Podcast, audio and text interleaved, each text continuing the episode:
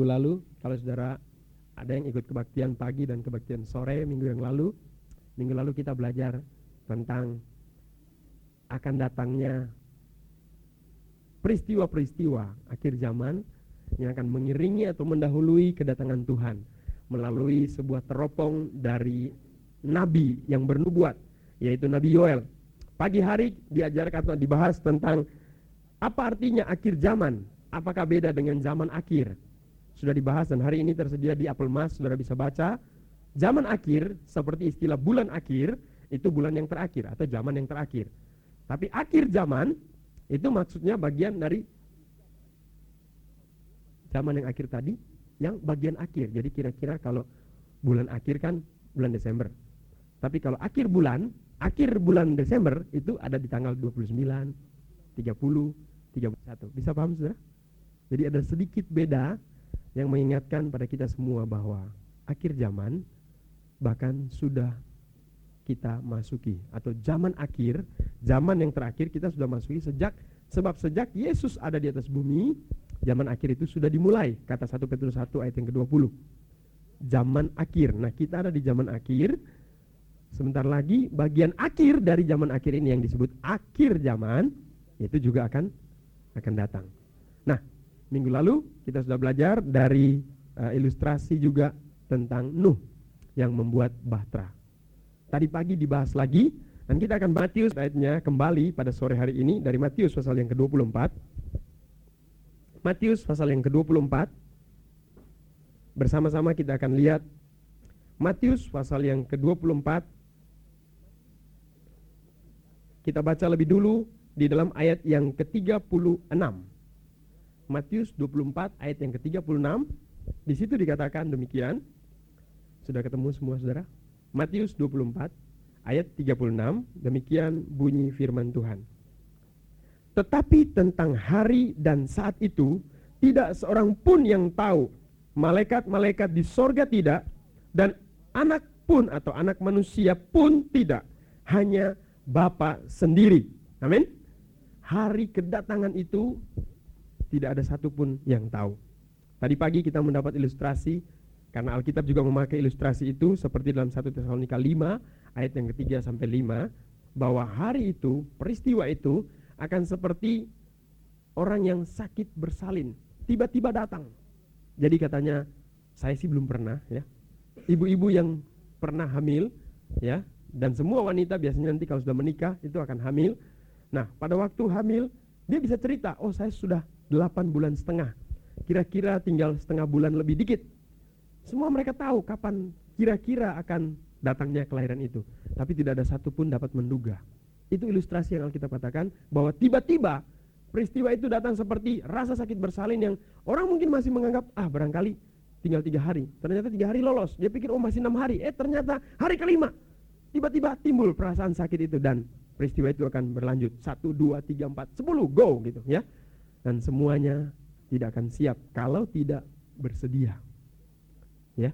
Nah, saudara-saudara, lalu seperti minggu yang lalu kita sudah pelajari dalam Injil Lukas pasal yang ke-17, di sana juga diceritakan oleh Tuhan ada beberapa ayat atau kalimat-kalimat yang menceritakan ini. Kita akan baca lagi dari ayat yang ke-26 Lukas 17 mulai ayat yang ke-26 kita akan baca sampai ayat yang ke-30 Lukas 17 ayat 26 sampai 30 demikian bunyi firman Tuhan dan sama seperti Lukas 17 ayat 26. Oke, sudah semua. Dan sama seperti terjadi pada zaman Nuh, demikian pula lah halnya kelak pada hari-hari anak manusia. Mereka, dalam terjemahan lama dikatakan orang-orang akan makan dan minum, mereka kawin dan dikawinkan sampai kepada hari Nuh masuk ke dalam bahtera, lalu datanglah air bah dan membinasakan mereka semua. Ayat yang ke-30 8 berkata, eh, 28 berkata, demikian juga seperti yang terjadi di zaman Lot. Mereka makan dan minum, mereka membeli dan menjual, mereka menanam dan membangun, tetapi pada hari Lot pergi keluar dari Sodom, turunlah hujan api dan hujan belerang dari langit dan membinasakan mereka semua. Demikianlah halnya kelak pada hari di mana anak manusia menyatakan dirinya. Amin. Haleluya. Nah, saudara-saudara, kita sudah belajar, kita sudah merenungkan minggu yang lalu pada minggu sore bagaimana seperti zaman Nuh itu akan terjadi pada zaman kita. Poin kita minggu yang lalu adalah nasihat Tuhan, jangan kita menjadi pengamat yang mencemooh tetapi kemudian kita sendiri binasa.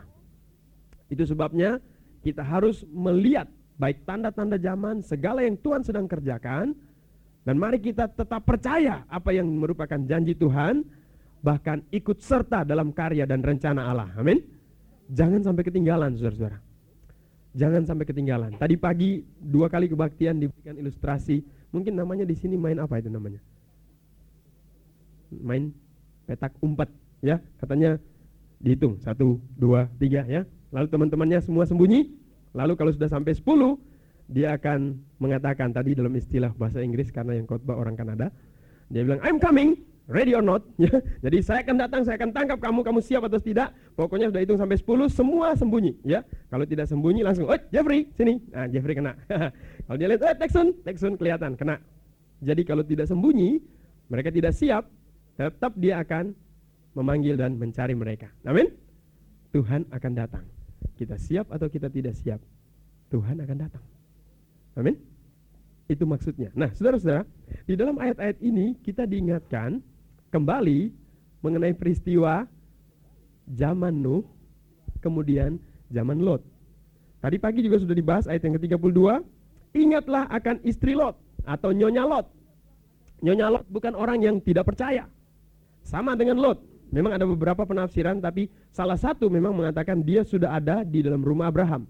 Ketika Lot menikah dengan dia, karena mereka sudah punya ternak, hamba-hambanya berantem, lalu akhirnya Lot ini memilih untuk pindah ke wilayah Sodom. Dibahas tadi pagi bahwa dia seorang Kristen. Saudara-saudara kita harus hati-hati. Yang diceritakan tertinggal ini bukan orang yang bukan Kristen. Orang Kristen. Seperti Lot dan istrinya. Orang yang mengerti apa itu penyembahan, apa itu bongkar kemah, apa itu mendirikan mesbah, apa itu kehadiran ilahi, Ketika Tuhan datang, kemudian bercakap-cakap dengan Abraham. Lot tahu, dia ada di sekitar situ. Kadang-kadang dia ikut menyaksikan. Dia melihat pamannya keluar, ngomong-ngomong dan ada sebuah suasana atmosfer surgawi memberkati seluruh perkemahan. Apa pun yang mereka kerjakan diberkati. Lot tahu, istrinya tahu, tapi kemudian Alkitab mengajarkan mereka mengambil sebuah pilihan. Saudara-saudara, hidup ini selalu menghadapkan kita pada pilihan. Amin. Ada orang bertanya pada saya, kalau saya tidak kerja apa gereja memberikan makan? Saya bilang, oh tidak. Gereja tidak sanggup memberi engkau makan. Dalam arti semua kebutuhannya. Sebenarnya sih kalau makan, saya rasa cukup sih makan ya. Sebab saya bisa makan, kalau saya bisa makan dua piring, saya kira dia satu piring cukup ya saudara ya. Tapi pertanyaan ini maksudnya, kalau saya tidak bekerja, apa gereja mau memberikan semua kebutuhan saya? Dan itu satu pilihan saudara. Sehingga beberapa orang dia merasa cukup beralasan kalau dia memilih untuk menerjunkan diri ke dalam ke dalam sungai yang sedang mengalirkan dia dan membawa hanyut. Nanti kita akan bahas tentang hanyut. Bahwa itu adalah pilihan dia. Dia seolah-olah berkata, tidak ada pilihan lain. Saya harus memilih ini sama seperti Lot dan istrinya. Ketika mereka bertengkar, hamba-hambanya yang bertengkar, hamba-hamba Lot dengan hamba-hamba Abraham. Lalu kemudian Abraham suruh pilih, silakan, kamu boleh pilih. Saudara-saudara, Berbagai contoh semacam ini dalam Alkitab. Elia mengatakan, Elisa, oke okay, tinggalkan. Saya akan pergi, Tuhan suruh saya pergi, silakan kamu pulang, nggak usah ikut saya. Saya akan pergi dan tidak akan kembali kepadamu. Elisa berkata apa saudara? Demi Tuhan yang hidup dan engkau pun hidup. Saya akan ikut sampai engkau pergi. Sama pilihannya. Amin. Lot mengatakan, oke okay, saya disuruh pilih. Bukan salah saya, Lalu dia mulai pilih, dia memandang kepada padang-padang Sodom. Dia melihat begitu indah sebuah pilihan yang menggiurkan. Lalu dia pikir, ini Abraham kok jadi bodoh ya. Ini perumahan elit, ya. ini pekerjaan asik, ini kesempatan karir. Dia bilang, Abraham pilih tinggal di wilayah-wilayah Kanaan. Dia mengambil. Sama dengan Ruth dan Naomi bersama Orpa. Diberi pilihan, udah kamu pulang, Pulang aja, kembali ke Moab. Saya akan kembali ke Bethlehem. Dua orang ini membuat pilihan yang berbeda. Orpa menangis, lalu akhirnya dia cium mertuanya. Lalu dia bilang, Ma, sebenarnya saya cinta loh sama mama, tapi ya udah, ya. Saya pulang ya Maya, dia pulang. Ruth tidak. Ketika Naomi bilang, udah saudaramu sudah pulang, pulanglah, pergilah. Dia katakan, di mana engkau tidur, di situ aku akan tidur. Di mana engkau mati, di situ aku akan mati. Bangsamu itulah bangsaku. Allahmu itulah Allahku. Amin. Dia bukan pilih seorang mertua sebatang kara yang sudah tua, sudah tidak ada hartanya, tidak ada yang diharap lagi. Tapi Ruth tahu yang dia pilih adalah Allah yang disembah oleh Naomi. Amin. Elisa memilih bukan Elia sebagai seorang guru manusia biasa. Tapi dia melihat Allah itu sebabnya waktu Elia hendak pergi dan menantang dia. Oke, apa yang kau minta? Aku mau dua bagian roh yang ada padamu. Itu permintaan yang mereka minta. Lot tidak demikian. Lot mengatakan waktu dia diberi pilihan. Oke, saya pilih Sodom dan Gomora. Lalu kenyataannya dan orang sering kali terkecoh dengan kenyataan yang dilihat. Sama seperti ketika pembahasan, begitu banyak pembahasan tentang masalah kawin cerai, mengenai keluarga rumah tangga yang akhirnya tidak lagi menyatu. Orang berkata sering mengambil contoh, lihat mereka. Mereka tidak hidup sesuai dengan firman Tuhan. Mereka melanggar firman Tuhan, tapi toh berhasil. Seringkali orang mengambil contoh hal-hal semacam itu. Ada yang mengatakan, lihat itu orang, dia tidak setia kepada Tuhan, dia tidak peduli dengan Tuhan, dia hidup menurut hawa nafsunya, dia diberkati. Itu adalah segala sesuatu yang bisa saja terjadi, bisa saja dialami, tapi itu tidak akan selamanya. Dan Lot kalau saudara melihat, mencari tahu seluruh perjalanan hidupnya, bagian terbesar dari umur hidupnya setelah berpisah dengan Abraham, dia mulai mendekat ke kota Sodom. Makin lama dia makin dikenal, dia bisa berinteraksi, dia berbisnis di sana, karirnya maju. Orang-orang terpandang zaman itulah yang kemudian dipilih menjadi penatua-penatua kota. Dan Tuhan bilang, ingat, hati-hati. Sama seperti pada zaman Lot, begitu akan terjadi pada hari-hari akan anak manusia. Nah, kita akan sorot lebih lanjut tentang Lot ini. Setelah dia maju, kemudian dia menjadi bahkan seperti kalau zaman sekarang anggota DPR untuk kota Sodom. Dia berdiri di pintu gerbang bersama tua-tua lainnya. Lalu ternyata sesuatu telah terjadi dalam dirinya. Itu sebabnya Tuhan mengingatkan kita, ingatlah seperti pada zaman Lot. Bahkan ingatlah Nyonya Lot. Saya sudah katakan tadi, tadi tadi pagi dibahas, Nyonya Lot ini sebenarnya dia masih kepingin dengan Sodom. Dia begitu jatuh cinta, dia sudah lupa dengan penyembahan yang Abraham lakukan. Meskipun demikian di rumah Abraham dia terus didoakan, mereka sekeluarga terus didoakan. Itu sebabnya pada waktu Tuhan datang mau membinasakan kota Sodom dan Gomora, Tuhan mampir di kubu doa yang mendoakan keluarganya yang ada di Sodom. Abraham tahu hal itu. Dia bilang, pasti tidak kebetulan Tuhan mampir di rumah saya. Bagaimana Tuhan kalau ada 50 orang di kota Sodom yang hidup benar, masa engkau bakar kota itu? Tuhan bilang, oh enggak, enggak, enggak. Kalau ada 50 orang yang benar di sana, saya tidak bakar kota itu. Karena Tuhan tahu 50 orang akan pasti memberi dampak kalau mereka hidup benar. Biarpun kota serusak apa pun, 50 orang yang percaya pada Tuhan akan memberi dampak pada kota itu. Amin. Tuhan bilang tidak. Lalu Abraham menurunkan. Kalau 40 gimana Tuhan? Kalau 30 bagaimana Tuhan? Kalau 20 bagaimana? Tuhan bilang enggak, enggak. Akhirnya dia turun. Kalau 10 orang bagaimana? Tuhan bilang, kalau ada 10 orang, saya tidak akan membakar kota itu. Apakah Abraham tahu? Atau Abraham tidak tahu jumlah anggota keluarga Lot? Lot, istrinya, kedua anaknya. Mungkin ada calon menantunya. Ada berapa semua saudara? Berapa? Enam. Bisa nggak Abraham? Sudah nawar sekian jauh. Kalau saudara sudah tawar sekian jauh, mau nggak nurunkan sekali lagi? Kalau saudara tahu pasti ada anggota keluarga saudara di sana enam orang. Kenapa Abraham tidak berani menurunkan? Agar Abraham khawatir. Kalau dia sebut angka enam, lalu Tuhan bilang kalau ada enam orang benar di sana, saya tidak akan bakar kota itu, berarti Tuhan akan tetap membakar. Amin. Dan itu berarti bahwa enam orang ini pun sudah tidak dianggap oleh Tuhan. Wah, habis dia. Abraham berhenti pada jumlah tersebut. Dia tidak turun lagi. Dia tidak turunkan angkanya. Lalu akhirnya kedua malaikat itu pergi. Abraham tetap minta. Dia tetap minta. Lalu Tuhan berkemurahan. Tuhan datangi kota tersebut Lalu seluruh keluarga ini diajak untuk keluar. Saudara-saudara, Lot, kedua anaknya perempuan bersama istrinya sudah dibawa keluar. Hatinya masih di Sodom. Tadi pagi diceritakan dia masih mau pasang lagi. Sekali pasang lagi katanya, sekali pasang. Mereka berjudi dia bilang, ya. Dikatakan tadi pagi. Dia pengen pasang lagi. Ada lalu dikatakan dia mau ingin satu tarian lagi, mau dansa sekali lagi, mau jogging sekali lagi, mau disco sekali lagi. Tapi dia sudah ditarik keluar. Lalu sambil dia lari-lari ke atas gunung, hatinya gondok. Aduh, aku sebenarnya kepingin masih masih cinta kepada Sodom. Tapi apa boleh buat kok ada orang narik-narik saya. Aduh, ditarik-tarik. Akhirnya ada kesempatan. Sampai mulai di tempat yang agak tinggi. Dia ada kesempatan. Sederhana, dia berbalik dan melihat ke Sodom. Cuma berbalik, apa sih susahnya saudara? Coba putar kepala saudara balik ke belakang. Coba, bisa balik lagi nggak saudara? Dulu saya masih belum menikah, teman saya full timer di gereja. Sering kali kalau sudah capek kerja, sore-sore sebelum pulang, biasanya dia sudah meninggal, saudara. Dia mijit-mijit saya namanya Bapak Adil, Adil Satrio.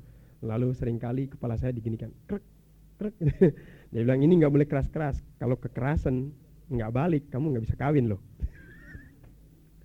Suka bercanda dia. Jadi saya ingat kalau noleh ke belakang nggak bisa balik itu, saya ingat dulu saya belum kawin. Sebab kalau kebablasan, tapi jarang ya, jarang orang klek, aduh, eh nggak bisa muter lagi. Jarang kan? Itu barangkali orang ada sakit tertentu. Tapi kalau kita cuma ber, berbalik, cuma mau lihat, mungkin lagi meninggalkan rumah, lagi banjir, mau noleh lihat rumah yang banjir, boleh nggak sih saudara? Boleh ya. Lihat, aduh rumahku banjir ya udah ditinggal. Atau mau lihat rumah yang terbakar, siapa yang nggak? Masa Tuhan begitu kejam? Cuma melihat rumah yang sedang terbakar. Bukan, Tuhan bukan kejam. Kita diajarkan bahwa sebenarnya yang terjadi dengan Lot, isnyonya Lot, hatinya mendua. Jiwanya terbelah. Dia kepingin, ada keinginan sedikit melihat kota yang sudah terbakar, ya udah dia ingin pergi ke sorga. Ada sedikit keinginan ke sorga. Tapi begitu banyak hatinya yang tertinggal di sana. Itu sebabnya waktu dia menoleh ke belakang. Sebenarnya Tuhan sudah menyelamatkan dia. Tuhan sudah bawa dia keluar. Tetapi waktu dia menoleh, Tuhan tidak izinkan dia berbalik kembali. Begitu dia menoleh, Alkitab katakan dia menjadi tiang garam, mati. Mati seketika jadi patung garam di situ. Dan selamanya di sana. Dia tidak binasa dengan api. Dia binasa karena hatinya melekat pada kota Sodom. Binasa dengan pilihannya sendiri. Tidak mau terus lari ke atas gunung. Dia menoleh ke belakang. Itu kisahnya Nyonya Lot. Bisa mengerti saudara? Itu sebabnya kita boleh memiliki segala sesuatu. Saudara memiliki pekerjaan, memiliki uang, memiliki rumah, memiliki mobil, apalagi katanya mobil lagi murah, kredit tanpa bunga. Oh, haleluya. Ini bulan-bulan harga mobil semua lagi murah. Orang ribut, wah memiliki tidak ada salahnya. Miliki semua itu, tapi biarlah kita yang menjadi pemilik, bukan kita yang dimiliki oleh semua benda-benda dan segala harta duniawi ini. Amin. Sebab kalau kita yang dimiliki, keadaan terbalik. Kita adalah pihak yang kalah, dan semua harta milik tersebut akan menguasai kita. Itu pesan tadi pagi, saudara-saudara. Nah, sore ini kita akan terus, kalau tadi Nyonya Lot sudah, kita akan bicarakan mengenai Bapak Lot, Mr. Lot. Ya, apa yang terjadi dengan dia? Saudara-saudara, bicara tentang akhir zaman, kedatangan Tuhan, Lukas 17 tadi sudah mengatakan, seperti pada zaman Lot. Dan di sini di fokus pertama-tama dikatakan tentang ingatlah Nyonya Lot. Bagaimana dia tidak selesai sampai selamat tuntas. Bagaimana dengan Lot? Dia benar-benar bebas. Dia benar-benar merdeka, lepas dari api yang membakar Sodom dan Gomora. Tapi apa yang terjadi dengan dia? Pertama-tama kita membaca dulu Ibrani pasal 2 ayat yang ke-1. Ibrani pasal yang kedua dalam ayat yang ke-1 kita diingatkan dengan satu kata dalam kalimat nasihat ini bunyinya hanyut. Mari kita baca sama-sama Ibrani 2 ayat yang ke satu.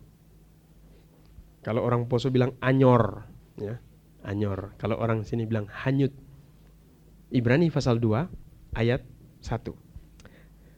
Sudah ketemu? Demikian bunyinya. Karena itu harus lebih teliti kita memperhatikan apa yang telah kita dengar supaya kita jangan hanyut di bawah arus. Amin harus lebih teliti memperhatikan apa yang kita sudah dengar. Ini cerita tentang Lot, cerita tentang Nyonya Lot, cerita tentang orang-orang Kristen akhir zaman. Khususnya yang menanti kedatangan Tuhan. Nanti kita akan lihat saudara-saudara. Menanti kedatangan Tuhan yang sudah dekat itu, sebenarnya artinya kita harus siap untuk menanti kedatangan Tuhan yang dalam tanda kutip masih lama. Kalau menunggu yang sudah dekat, susah nggak sih saudara? Enggak kan? Enggak. Disuruh menunggu bahkan nggak usah makan. Misalnya nanti jam 8 malam, nanti akan ada pesta besar. Saya harap saudara-saudara semua sabar ya. Nanti akan ada bakso, ya ada ada sate, ayam bakar, lalu apa lagi ya? Babi guling, kemudian kambing guling ya. Lalu bantal guling semua ada. jam 8 nanti, saudara diminta untuk bertahan, menunggu, tidak usah makan dulu. Kira-kira susah nggak saudara? Ah, cuma dua jam, ya nggak? Sampai jam 8. Tapi justru yang Alkitab ajarkan kita harus siap sedia, berjaga-jaga, dan memiliki ketahanan, kekuatan menunggu, itu sebenarnya bagi kita untuk waktu yang cukup panjang. Tapi oke, kita nanti lihat itu. Sekarang kita kembali ke Ibrani pasal 2 ayat 1 lebih dulu tadi. Harus lebih teliti kita memperhatikan apa yang telah kita dengar supaya kita jangan hanyut di bawah arus. Tadi kita sudah mendengar tentang Lot, tentang Nyonya Lot. Ini adalah orang-orang Kristen. Orang-orang yang sudah percaya, sudah mengerti kebenaran. Kebenaran itu yang memerdekakan mereka. Amin. Kebenaran yang kita mengerti itu sudah memerdekakan kita. Dan banyak orang Kristen sudah diselamatkan. Sudah mengalami Kristus. Sudah merdeka dari semua ikatan-ikatan masa lalu. Segala peringatan akan Firaun sudah dikubur di dalam Laut Merah. Sudah berjalan. Ini semua ilustrasi yang paralel dalam Alkitab. Israel yang sudah keluar dari Mesir, sudah lewat Laut Kolsom, Lot dan istrinya yang sudah keluar dari kota Sodom dan begitu banyak orang Kristen yang sudah mengalami kuasa kebenaran yang memerdekakan sudah menjadi Kristen tetapi rupanya ternyata kehidupan Kristen itu bukan cerita hanya masalah keselamatan. Amin. Bukan hanya cerita hanya masalah keselamatan. Kita diingatkan hati-hati jangan hanyut. Saudara tahu, burung burung-burung yang biasa di telaga, di sungai. Kalau saudara lihat ada burung di sana, saudara lempar dengan batu saja. Kalau kecepatan lemparan kita tidak cukup cepat, rata-rata begitu batu mendekat, mereka akan langsung lompat dan lari. Sehingga lemparan kita tidak kena. Pernah coba nggak saudara? Saya sering mencoba ketika berburu saya coba. Daripada ditembak pakai senapan paman saya, bagaimana kalau saya lempar? Saya lempar, set, dia baru melihat ada ada kelebatan sesuatu, dia langsung terbang. Burung itu susah, apalagi burung-burung hutan yang liar. Ya, burung-burung yang biasanya di air. Air berbunyi saja dia langsung terbang. Tapi beberapa jenis burung yang sebenarnya cekatan itu sering ditemukan mati. Peristiwanya setelah diamati, sering kali kalau ada kayu yang hanyut di sungai yang menuju ke tempat air terjun, itu ada beberapa burung, dia ada di batang kayu tersebut, tenang, arusnya membawa kayu itu. Dia bahkan berdiri bisa ngangkat kaki satu, ya. Lalu dia dia matuk-matuk, dia membereskan dirinya. Dia santai di situ, Saudara. Ya. Tapi kadang-kadang burung-burung ini tidak sadar ketika dia memasuki mendekat ke area di mana air terjun itu terjadi, mereka tidak memperhitungkan. Di situ karena air terjun lalu ada ada semacam uap air di sekitar situ, bulu-bulunya, sayapnya semua itu sudah lembab dalam beberapa meter sebelum sampai di air terjun. Sehingga rata-rata begitu sampai di situ aneh. Burung-burung itu seperti terikat. Begitu kayunya jatuh ke air terjun, dia kaget. Tapi ketika dia mencoba mengepakkan seluruh sayapnya dan dirinya, dia tidak bisa lagi terbang. Langsung jatuh, tergulung dan mati di sana. Selalu begitu. Selalu begitu. Kalau burung itu tidak waspada. Ini mengingatkan pada kita Itulah artinya hanyut. Barangkali orang hanyut di sungai, itu waduh bingung begitu jatuh langsung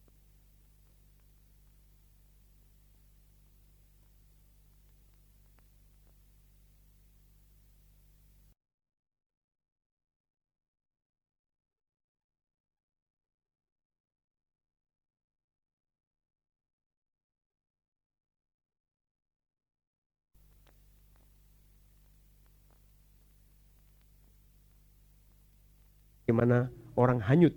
Tapi hanyut yang lain yang sering tidak terasa seperti peristiwa burung tadi. Dia cuma menghanyutkan diri di atas kayu yang aman. Tapi sampai pada saatnya ternyata dia tidak bisa menolong dirinya. Dia hanyut. Itu artinya hanyut yang paling mengenaskan, Saudara. Masih mampu terbang? Masih seluruh kekuatan ada? Dia bebas, dia terapung di atas air. Tapi hasil akhir dia tidak bisa lepas. Dia masuk di air terjun, mati. Saudara-saudara, begitu banyak orang-orang Kristen yang hanyut. Hanyut ini mirip dengan peristiwa abrasi di pantai, erosi di pinggiran sungai.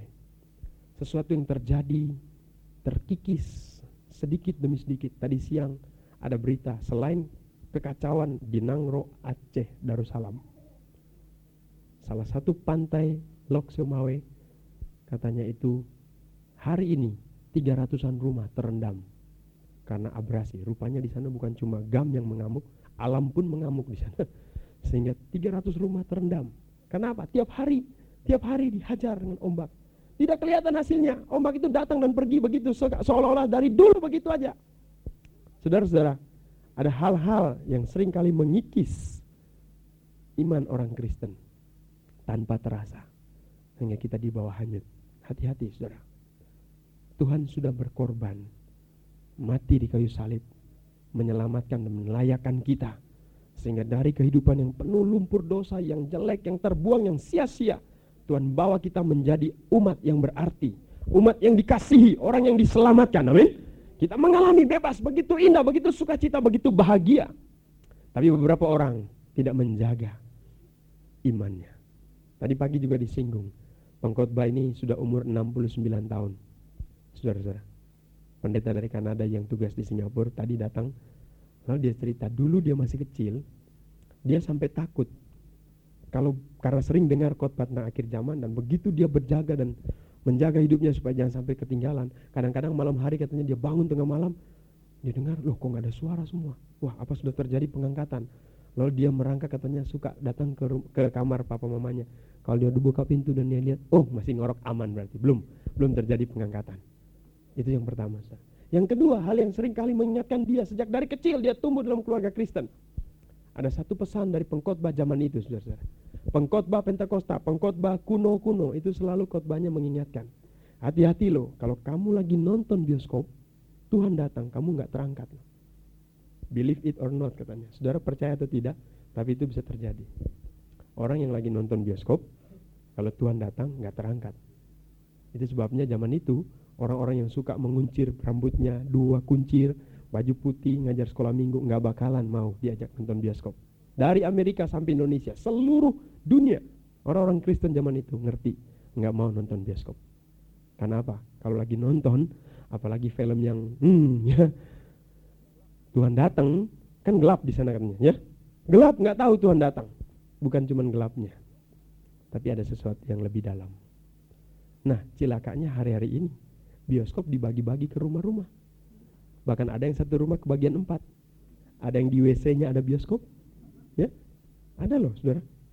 Orang-orang yang saya baru dengar. Loh kenapa di WC? Iya soalnya 40 menit pak. Jadi iseng ya udah pasang satu katanya di sana. Lalu sambil mm, dar kelihatannya.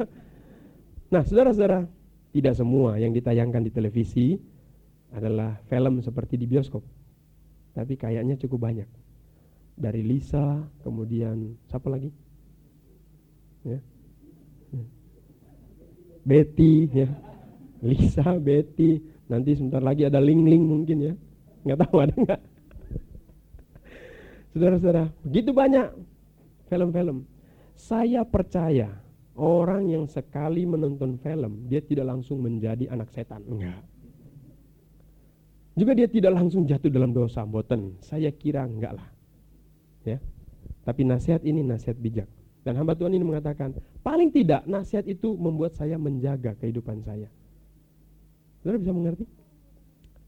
Dan banyak orang mengatakan, kalau kita kerja begini ya masa kita karena bekerja begini karena dalam lingkungan begini terus kita jadi hancur. Oke, tidak. Tapi firman Tuhan sore hari ini mengingatkan pada kita jangan kita hanyut. Baik di lingkungan pekerjaan, baik di jenis pekerjaan yang kita pilih, baik di dalam uh, hiburan-hiburan yang kita mungkin nikmati, baik di dalam gaya hidup yang kita hidup di dalamnya. Mulai dari memiliki, membeli, dan mem mempunyai sesuatu. Segala perkara ini dapat merupakan arus yang bisa membawa kita hanyut. Alkitab ingatkan, jangan sampai hanyut. Sebab kalau kita hanyut, kita akan jadi sama seperti Lot. Dan Tuhan katakan akhir zaman ketika dia datang akan sama seperti zaman Lot. Kita jangan seperti Lot dan istrinya. Tadi saya sudah katakan Lot kita sudah bahas. Hancurnya bagaimana, eh, istri Lot bagaimana dihancur, dia menjadi tiang garam. Tapi Lot, Alkitab mengatakan dia menceritakannya dengan istilah orang benar. Oh kasihan. Saudara-saudara. Lot ini saya ingat di sebuah sekolah Alkitab saya pernah didebat oleh seorang mahasiswanya yang tetap tidak mau terima ketika saya membaca 2 Petrus pasal yang kedua. Mari kita baca sama-sama. 2 Petrus pasal yang kedua. Dalam ayat yang ke kita baca mulai ayat yang ke-6. 2 Petrus pasal 2 mulai ayat yang ke-6 kita baca sampai ayat yang ke-10. 2 Petrus 2 ayat 6 sampai 10 dikatakan demikian.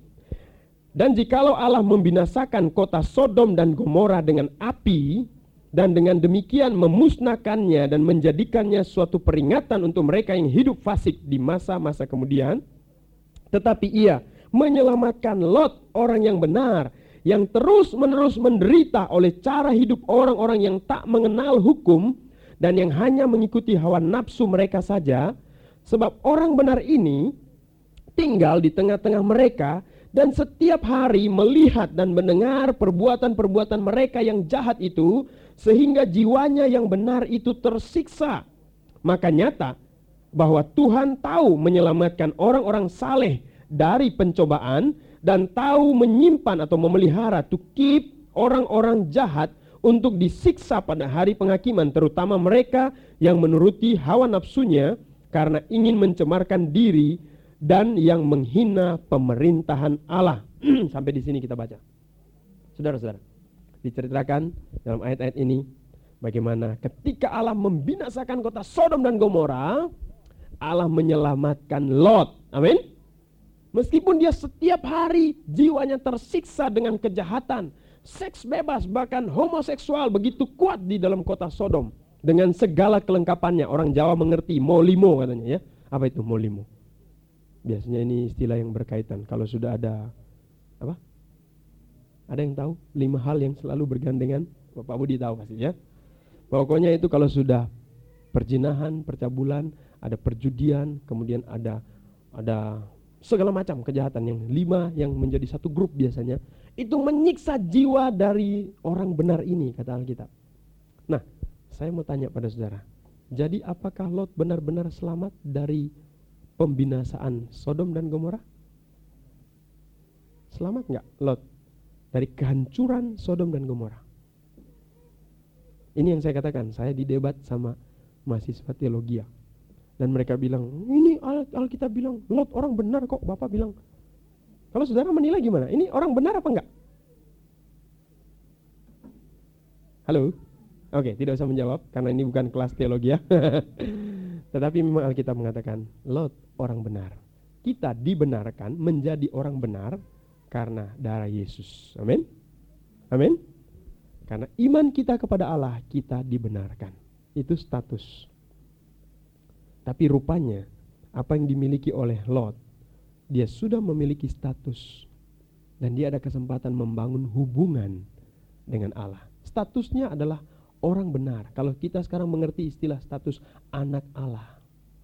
Orang benar. Tapi juga kita harus membangun hubungan kita dengan Allah. Apa yang dikikis ketika seseorang hanyut? Tidak ada orang dapat membatalkan karya darah Yesus. Amin. Yesus yang sudah membenarkan kita. Tidak ada satu orang dapat membatalkan itu. Amin. Iblis mau jumpalitan, dia mau hajar, dia mau apa pun tidak bisa. Karena penebusan Kristus sudah terjadi dan itu kuat. Akan tetap memberkati orang-orang yang mau setia. Tapi rupanya tanpa sadar. Hubungan Lot itu mula-mula dibantu oleh hubungan Abraham dengan Allah. Satu ketika Lot akhirnya memilih sendiri, dia ada dalam bahaya. Di mana hubungannya tidak tercover lagi. Saudara-saudara, Seperti kalau saudara lihat di pinggir-pinggir jalan, kadang-kadang kita ada lihat keranjang dititip di sana oleh pemerintah kota. Itu bukan pemerintahnya kebanyakan keranjang. Pernah lihat keranjang dititip-titip di pinggir jalan, di trotoar yang baru dibangun? Pernah lihat? Untuk apa itu? Bukan tempat sampah, dibalik. Tempat apa itu? Untuk melindungi tanaman pohon akasia yang masih kecil. Amin. Saudara-saudara, Lot sebenarnya ada dalam proteksi dari Abraham. Seharusnya sesudah cukup waktunya dia tumbuh menjadi kokoh kuat. Tapi satu saat dia sendiri tidak bertumbuh, tapi dia membawa dirinya keluar dari proteksi itu. Sama seperti tanaman tadi, keranjangnya diambil oleh anak kampung, lalu datang segala sesuatu dan menerpa tanaman tersebut mati. Rupanya hubungan Lot dengan Tuhan. Saudara-saudara, dia seorang yang logis. Lot datang ke Sodom dan Gomora. Lalu dia berkata, saya tidak akan ikut-ikut. Tapi makin lama dia bertahan, jiwanya makin tersiksa. Orang benar, orang Kristen, kalau membiarkan dirinya dalam pergaulan, dalam segala tontonan, pasti, pasti orang itu di dalam ada sesuatu yang nggak enak.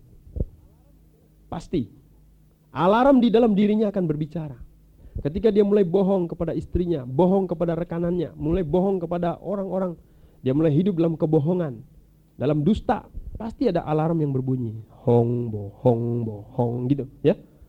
Ketika dia mulai menonton segala sesuatu yang tidak benar, dia membaca tontonan bacaan-bacaan yang tidak baik, dari dalam berbunyi jisna jisna jis gitu, ya.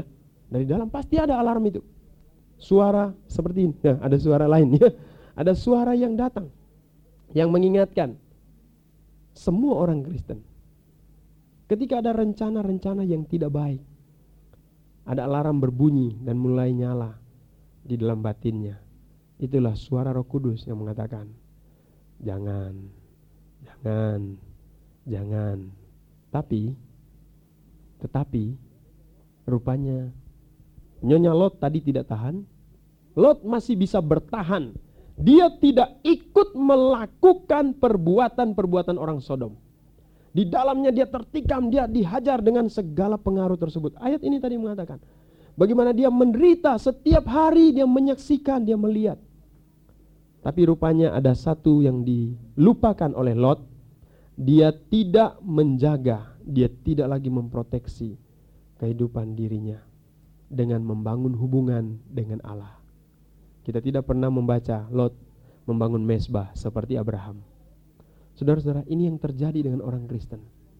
Begitu halus, begitu tipis kemerosotan yang terjadi dalam kehidupan banyak orang-orang beriman. Tidak langsung terjun, wah berjinah, punya istri tujuh, enggak. Enggak, tidak merampok, tidak langsung terjun. Merampok bang, tidak. Tidak langsung menjadi penjahat, tidak tapi dibawa hanyut. Itu istilah Ibrani luar biasa mengingatkan pada kita. Lebih teliti kita harus memperhatikan semua yang telah kita dengar. Kita sudah mendengar, kita sudah dapat firman yang hidup. Sudah ada dalam diri kita. Kita sudah dimerdekakan, kita sudah menjadi orang benar. Tapi Tuhan bilang kita harus lebih teliti lagi supaya jangan kita hanyut. Hanyut itu pelan-pelan saudara-saudara. Hanyut itu tidak langsung seperti burung tadi, tenang ya. Dia dibawa oleh arus, tenang pelan. Sampai satu saat dia tidak lagi dapat menguasai dirinya. Begitu dengan pengaruh-pengaruh yang terjadi. Dan kalau saudara perhatikan seperti pertanyaan tadi, jawaban mahasiswa teologi tadi benar. Bahwa Lot adalah orang benar dan dia bebas dari hukuman Sodom dan Gomora. Amin. Bebas, dia tidak kena. Tapi ada kerusakan yang terjadi. Kalau saudara baca kejadian pasal 19, kita tidak baca satu-satu ayat-ayatnya, Akhirnya malaikat Tuhan membawa dan membawa membelokkan mereka ke Soar, salah satu kota pegunungan. Di sana dia tinggal dengan dua anak wanitanya. Saudara-saudara. Lalu setelah Sodom selesai, setelah Sodom dan Gomora dibakar, ternyata api itu tidak hanya membakar Sodom dan Gomora. Rupanya ada api lain yang sudah lebih dulu membakar seluruh kota itu. Api hawa nafsu, api perjinahan, api percabulan, api pelanggaran terhadap Allah. Api yang menolak segala pemerintahan Allah yang kita baca tadi dalam 2 Petrus pasal yang kedua. Api yang berkobar yang mengumbar, membakar seluruh hawa nafsu. Api itu rupanya akhirnya memenangkan pertentangan yang terjadi dalam diri Lot. Karena apa? Karena dia tidak langsung mengambil tindakan untuk keluar, dia tidak memasang tembok yang jelas, tetapi Lot bertahan, Lot tetap di situ membiarkan ketika hatinya begitu tersiksa, tadi ayat itu katakan, dia begitu tersiksa, tersiksa, tersiksa, tapi dia tidak mengambil tindakan. Saudara-saudara, ini ini bahayanya. Ada begitu banyak tontonan yang sering kali saya tahu, saya tahu pasti bahwa beberapa banyak orang Kristen tidak setuju dengan tontonan semacam itu. Masa film cerita kehidupan tiba-tiba masuk di kamar di syuting, buka baju dan segala macam. Wah, nggak baik tontonan itu. Tapi dilihat terus. Bisa mengerti, Saudara? Seperti itu Lot. Dia tidak setuju. Tidak setuju. Tidak setuju. Tapi ya setuju. Akhirnya api yang berkobar menghancurkan orang Sodom dan Gomora itu merambat masuk, merambat masuk ke dalam jiwa, ke dalam seluruh pribadi Lot. Sebenarnya pertentangan itu ada. Kita baca dalam 1 Petrus pasal yang kedua, tadi 2 Petrus, sekarang kita mundur ke 1 Petrus pasal yang kedua. Di dalam ayat yang ke-11 dikatakan 1 Petrus 2 ayat 11, Saudara-saudaraku yang kekasih, aku menasihati kamu supaya sebagai pendatang dan perantau kamu menjauhkan diri dari keinginan-keinginan daging yang apa saudara? Striving, yang berantem, yang bertentangan dengan jiwa. Jauhi keinginan-keinginan daging semacam itu. Saudara-saudara bukan cuma mengatakan saya tidak setuju tapi menikmati, tidak. Jauhi. Itu sebabnya nasihat bijak tadi pagi yang saya kita dengar sama-sama dalam kebaktian pagi mengingatkan kalau orang Kristen lagi nonton bioskop, Tuhan datang nggak terangkat, itu nasihat bijak. Saudara-saudara, bukan berarti ketika seseorang dia langsung pasang Pak Kong, tahu Pak Kong saudara ya? Judi buntut. Dia pasang, wah 15 ribu pasang, des, langsung dia masuk neraka. Enggak. Saya berani menjamin kalau orang itu pasang satu kali, biarpun benar-benar dia sudah ingin, tapi dia masih hidup, lalu selesai pasang mungkin nggak kena, dia ingat Tuhan, dia tetap ke sorga. Amin. Amin. Tidak gampang, segampang itu orang langsung binasa, tidak. Meskipun tidak saya anjurkan. Ya. Karena segala sesuatu bisa terjadi. Main judi tidak langsung. Ada orang berzina. Mereka baru melakukan perjinahan satu kali, bahkan ada yang sudah beberapa bulan, tidak langsung mati. Ada orang yang menanyakan kepada saya, kita sudah sekian lama, bagaimana ini? Saya bilang, ya diputus, tinggalin kembali kepada istrimu aduh gimana ya. Tapi saya lihat timbul lagi kerinduan. Kamu ambil tindakan sekarang, kembali pada Tuhan. Dan setelah dia kembali, saya yakin orang itu diterima oleh Tuhan, tidak langsung binasa. Amin. Sebab Allah menghargai pertobatan kembali. Tadi siang ada yang menceritakan, aduh gimana nih tangan saya sudah datang kepada istri saya. Udah bakbuk bakbuk. Saya bilang minta maaf. Minta ampun bereskan. Kenapa harus begitu? Tidak langsung waktu memukul istri terus wah masuk neraka. Enggak. Tapi saudara-saudara, tetapi, tetapi Alkitab katakan ini semua melawan jiwa kita. Berperang. Dia menghajar jiwa kita. Dia terus menghajar. Sehingga apa yang terjadi dengan Lot? Orang benar, Alkitab menyebut orang benar. Dia tersiksa. Dan kalau sudah tersiksa, itu sudah bukan orang yang menang. Amin. Bisa mengerti saudara? Kalau sesuatu mengganggu, dia, dia fight, dia lawan. Tapi kalau lama-lama dia tersiksa, orang yang tersiksa alias disiksa, itu berarti dia sudah tidak lagi memegang kendali. Dia yang terus di dihajar. Bisa mengerti? Dua minggu lalu kita belajar terlebih berkat memberi daripada menerima. Ada seorang anak bilang, oh papa saya seperti itu pendetanya bilang kerjaan papa kamu apa? Petinju katanya. Oh makanya. Ya bagus kalau petinju katanya ya. Jangan menerima harus lebih banyak memberi. Tapi kalau petinju sudah menerima dia sudah menderita puk, puk, puk, puk, puk, puk, puk. wah itu sudah sudah tinggal tunggu waktunya. Bisa mengerti? Dia orang benar. Dia seorang satu jiwa yang Tuhan sudah tebus. Tuhan sudah bayar dia orang yang benar. Tapi ingat, kebenaran manusia, kebenaran orang benar tidak menyelamatkan dia ketika dia mati dalam kesalahannya. Yeskiel 33 ayat 11 sampai 13. Kebenaran orang benar tidak menyelamatkan dia ketika dia mati dalam keadaan bersalah atau dia keluar dari pembenaran yang Tuhan lakukan. Itu sebabnya kita mesti waspada. Lalu saudara semua tahu kisah Lot. Setelah dia keluar dari Sodom, akhirnya tibalah malam yang penuh dengan kenajisan itu. Diceritakan Lot punya alasan karena malam itu ide gila itu bukan cuma merusak dia, rupanya sudah merusak anak-anaknya. Itu sebabnya juga pada waktu malaikat datang, kemudian seluruh penduduk Sodom meminta dua malaikat itu karena mereka mau bersetubuh dengan malaikat tersebut karena orang-orang yang terbiasa begitu kuatnya nafsu homoseksual mereka sehingga ada kalau ada pria datang mereka sudah menyala-nyala dengan hawa nafsu. Saudara tahu apa yang dilakukan oleh Lot? Waktu orang Sodom minta supaya malaikat itu dikeluarkan, mereka pikir ini tamu biasa. Mereka mau ngerjain dua tamunya Lot ini. Lot keluar dan mengatakan jangan. Jangan ambil mereka ambil saja anak saya yang dua-dua masih perawan. Ini kalau Bapak nggak gila, gendeng, sinting itu nggak bicara demikian. Amin. Bisa mengerti saudara? Kenapa saya berkata gila, gendeng, sinting? Tidak ada Bapak semacam itu. Kalau dia tidak rusak di dalam, akan bicara demikian. Dia boleh membela, dia boleh menghargai tamu, dia boleh begitu hormat kepada tamunya. Tapi tidak akan ada seorang Bapak bicara demikian. Apalagi benar-benar bukan cuma bicara. Bertindak demikian. Amin. Itu sebabnya kita melihat Waktu Lot disiksa dengan semua kejahatan yang ditampilkan, yang muncul dalam hidupnya, yang dia lihat setiap hari, rupanya Lot sudah hanyut. Belum hancur, tapi sudah hanyut. Sehingga dia tidak lagi menguasai dirinya untuk melawan arus yang sedang terjadi. Itu yang terjadi dengan banyak orang Kristen. Di dalam penantian akan Tuhan. Masih harus hidup bergumul dengan segala pergumulan hidup Kadang-kadang semua tingkah perilaku orang dunia dan orang Kristen duniawi dan lingkungan yang tidak mau mengakui pemerintahan Allah itu menteror kita sehingga kita hanyut.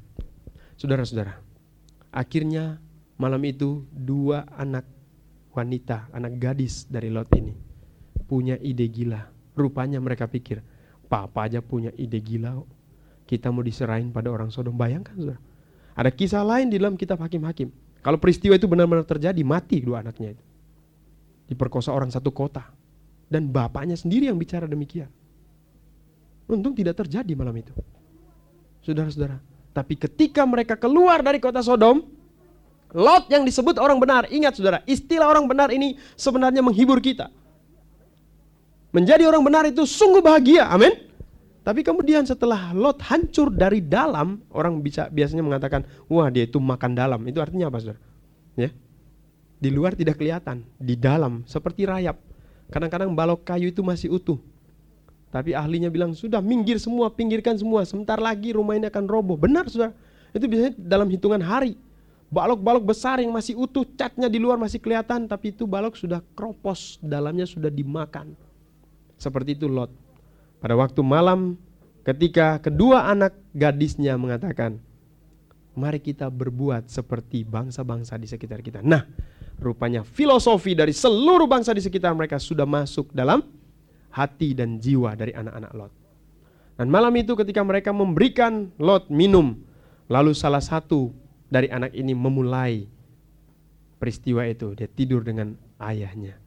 Saya sudah menanyakan dan mencoba meminta penjelasan. Saudara-saudara, ternyata orang itu semabuk-mabuknya ya, orang semabuk-mabuknya dia itu ternyata kenal istrinya, kenal orang. Cuma karena memang mabuk itu lalu ngomong sembarangan. Tadi malam anak saya tanya, "Orang kalau mabuk itu gimana sih?"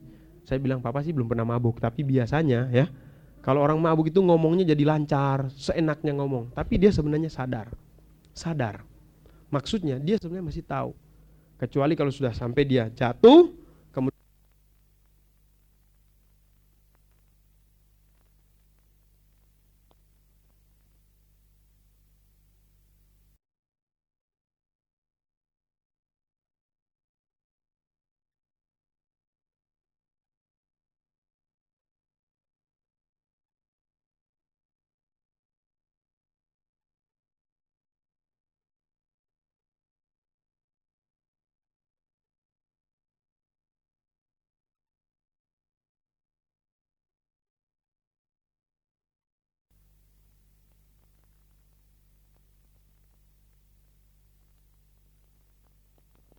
here again this Sunday, Eh, apakah Anda bahagia bisa ada di sini kembali pada hari Minggu?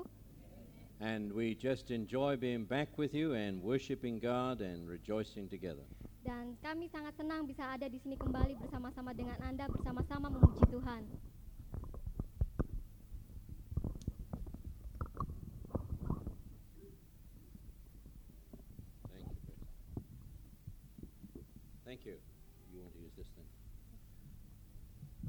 It's nice to be back in Indonesia again. Sangat senang bisa ada di Indonesia kembali, It's a nice place, tempat yang baik and people are nice. dan orang-orangnya juga baik. Amen? Turn to someone and say, This is a nice place. Eh, katakan pada sesama katakan bahwa tempat ini baik. Oh, you're doing English too. Very good. Amen.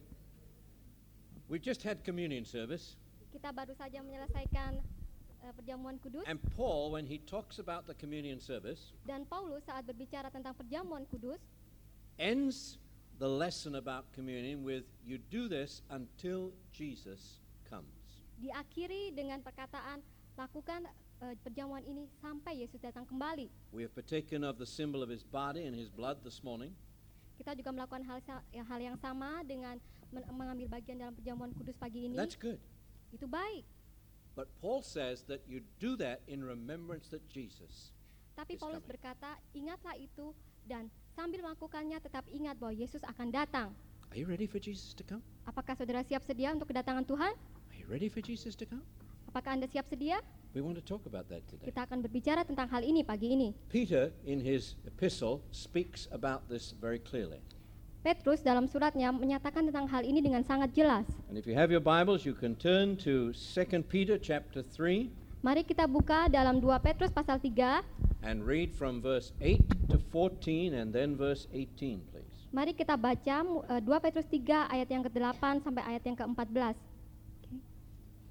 Akan tetapi saudara-saudaraku yang kekasih, yang satu ini tidak boleh kamu lupakan, yaitu bahwa di hadapan Tuhan satu hari sama seperti seribu tahun dan seribu tahun sama seperti satu hari. Tuhan tidak lalai menepati janjinya, sekalipun ada orang yang menganggapnya sebagai kelalaian, tetapi ia sabar terhadap kamu, karena ia menghendaki supaya jangan ada yang binasa, melainkan supaya semua orang berbalik dan bertobat. Tetapi hari Tuhan akan tiba seperti pencuri. Pada hari itu langit akan lenyap, dengan gemuruh yang dahsyat dan unsur-unsur dunia akan hangus dalam nyala api dan bumi dan segala yang ada di dalamnya akan hilang lenyap. Jadi, jika segala sesuatu ini akan hancur secara demikian, betapa suci dan salehnya kamu harus hidup, yaitu kamu yang menantikan dan mempercepat kedatangan hari Allah. Pada hari itu langit akan binasa di dalam api dan unsur-unsur dunia akan hancur karena nyalanya. Tetapi sesuai dengan janjinya, kita menantikan, menantikan langit yang baru dan bumi yang baru di mana terdapat kebenaran. Sebab itu, saudara-saudaraku yang kekasih, sambil menantikan semuanya ini, kamu harus berusaha supaya kamu kedapatan, tak bercacat, dan tak bernoda di hadapannya dalam perdamaian dengan dia.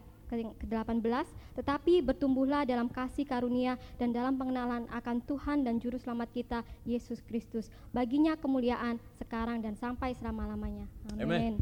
Peter asks us three questions, Petrus menanyakan tiga pertanyaan. and we want to look at those three questions this morning. Kita akan melihat tiga pertanyaan ini pagi ini. I was in Indonesia some, actually two or three years ago, Saya berada di Indonesia mungkin dua atau tiga tahun yang looked lalu. down from where I was staying and looked at some children playing in the field. Saya melihat ke bawah dari tempat di mana saya tinggal dan saya melihat anak-anak sedang bermain. Children all over the world play the same games.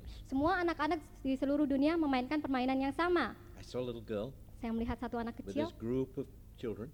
da- dalam satu kelompok She anak-anak. went to the wall, Dia pergi ke dinding, she hid her face, dia menyembunyikan wajahnya she began to count. dan dia mulai menghitung. One, two, three, four, five, six, Satu, dua, tiga, empat, lima, enam, seven, tujuh, eight, delapan, nine. sembilan, sepuluh. Then she turned. Dan kemudian dia berbalik coming, ready or not? dan berkata, saya akan datang, siap atau tidak? And by this time, everybody gone. Dan pada saat itu semua anak-anak sudah pada sembunyi. Ever played that game? Sudah memainkan hal yang sama? Oh, come Yeah. on, we all did when we were young. Ayolah, kita semua pasti melakukan hal yang sama waktu kita masih muda. I think Jesus Saya merasa bahwa is Yesus saying from heaven this morning, juga eh, memberi tanda yang sama pada pagi ini. Coming, ready or not. Dia berkata, "Saya akan datang, siap atau tidak." Jesus is about to come back from heaven for his church. Yesus akan datang kembali dari surga untuk gerejanya. Whether you're ready or not is not going to make a difference. Apakah Anda siap atau tidak, tidak ada bedanya. Yesus Jesus akan is datang. going to come. Yesus akan datang. The question Peter asks is, Are you ready? Pertanyaannya adalah apakah Anda siap? John says in Revelation chapter 1 and 11, Yohanes berkata dalam sorry, chapter 11, verse 12, dalam Wahyu 11 ayat yang ke-12, there was a loud voice from heaven ada suara yang nyaring dari surga saying, Come up here. yang berkata, "Naiklah kemari." And they went up to heaven in a cloud. Dan kemudian mereka naik ke atas dalam satu awan And they watched them. dan dia melihatnya. Are you ready for Jesus to say, Come up here? Apakah Anda siap ketika Yesus berkata, "Naiklah kemari"? Daniel, the Old Testament prophet, Daniel, seorang nabi dalam perjanjian lama, in chapter 12 and verse 2, dalam pasal yang ke-12 ayat yang kedua said, Multitudes who sleep in the dust of the earth will awake, mengatakan bahwa orang banyak yang tidur dalam debu tanah akan bangkit. some to everlasting life, Beberapa akan bangkit dalam hidup yang kekal and some to everlasting shame. dan yang lain akan mengambil bagian dalam kehinaan yang kekal. Luke writes about Jesus ascending back to heaven Mari kita lihat tentang bagaimana Yesus terangkat ke surga. and says, When Jesus went back to heaven, the disciples watched him. Pada saat Yesus terangkat ke surga, para murid-murid melihat dan berkata, "Apakah itu?" Hah, dia lenyap. And suddenly there were angels there. Dan kemudian tiba-tiba ada banyak malaikat di And the sekitarnya. angel said, This same Jesus Dan malaikat berkata, Yesus yang sama shall so come in the same way as you've seen him go. akan datang kembali eh, akan datang kembali dengan cara yang sama seperti yang sekarang ini terjadi. The gospel writer John tells us the same thing. Eh, dan Injil yang ditulis oleh Yohanes berkata tentang hal yang Chapter sama. 5 and verse 28. Yohanes pasal 5 ayat yang ke-28. Don't be amazed. Jangan heran There is a time coming bahwa akan ada waktu yang when tiba those who are in the grave will rise. bahwa eh, mayat-mayat yang di dalam kubur akan bangkit Those who've done good to live everlasting. untuk memiliki hidup yang kekal. Those who've done evil to be condemned forever. Bagi mereka yang berbuat baik dan yang berbuat jahat akan masuk dalam neraka. Jesus is coming. Yesus akan datang. Do you believe it? Apakah Anda percaya? Jesus is coming. Yesus akan datang. Are you ready? Apakah Anda siap? Now Peter asks us three questions. Sebenarnya Petrus bertanya tiga pertanyaan. In verse 11, 2 Peter chapter 3 verse 11, Dalam 2 Petrus 3 ayat yang ke-11, he says, since everything is going to be destroyed in the way that he's talking about, dalam yang ayat yang ke-11 dikatakan, jadi sega- jika segala sesuatu ini akan hancur secara demikian, what kind of people ought we to be? harus seperti apakah kita hidup? We ought to live holy and godly lives. Kita harus hidup dengan saleh dan kudus. If you really are expecting Jesus to return, Kalau kita benar-benar menantikan kedatangan Yesus, really and truly expecting, benar-benar menantikan, then you better live a holy and a godly life. maka Anda seharusnya hidup dengan saleh dan kudus. If you and I look around us at the signs of the times, Kalau kita melihat sekeliling dan melihat tanda-tanda zaman, I believe that we are not very far from the time when Jesus will saya come back. percaya bahwa kita tidak terlalu jauh dari hari kedatangan Tuhan. When the call will come, come up here. Suatu saat panggilan akan berkata, naiklah kemari. It's going to happen. Itu akan terjadi. Many will talk about this, Ada banyak yang ber- berbicara tentang hal ini, but are we ready for Jesus to come back? tapi apakah Anda siap untuk kedatangan Tuhan? Luke said this same Jesus will come.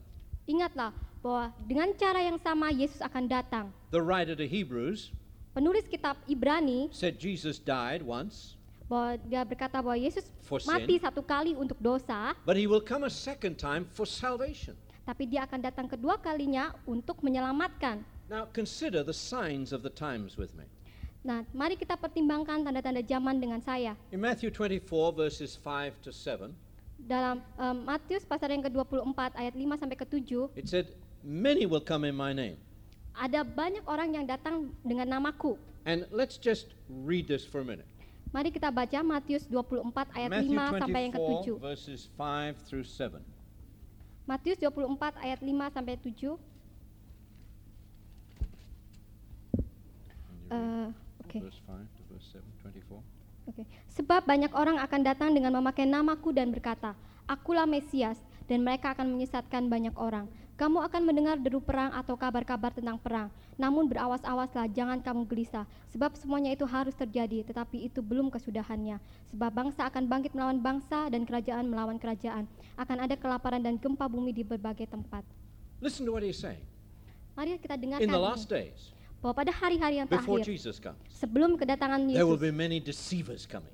akan ada banyak penyesat datang. In the world in which you and I are living today, Di dunia pada saat Anda dan saya hidup hari ini, there are many people who are deceiving people about the truth. ada banyak orang yang menyesatkan orang-orang lain tentang kebenaran.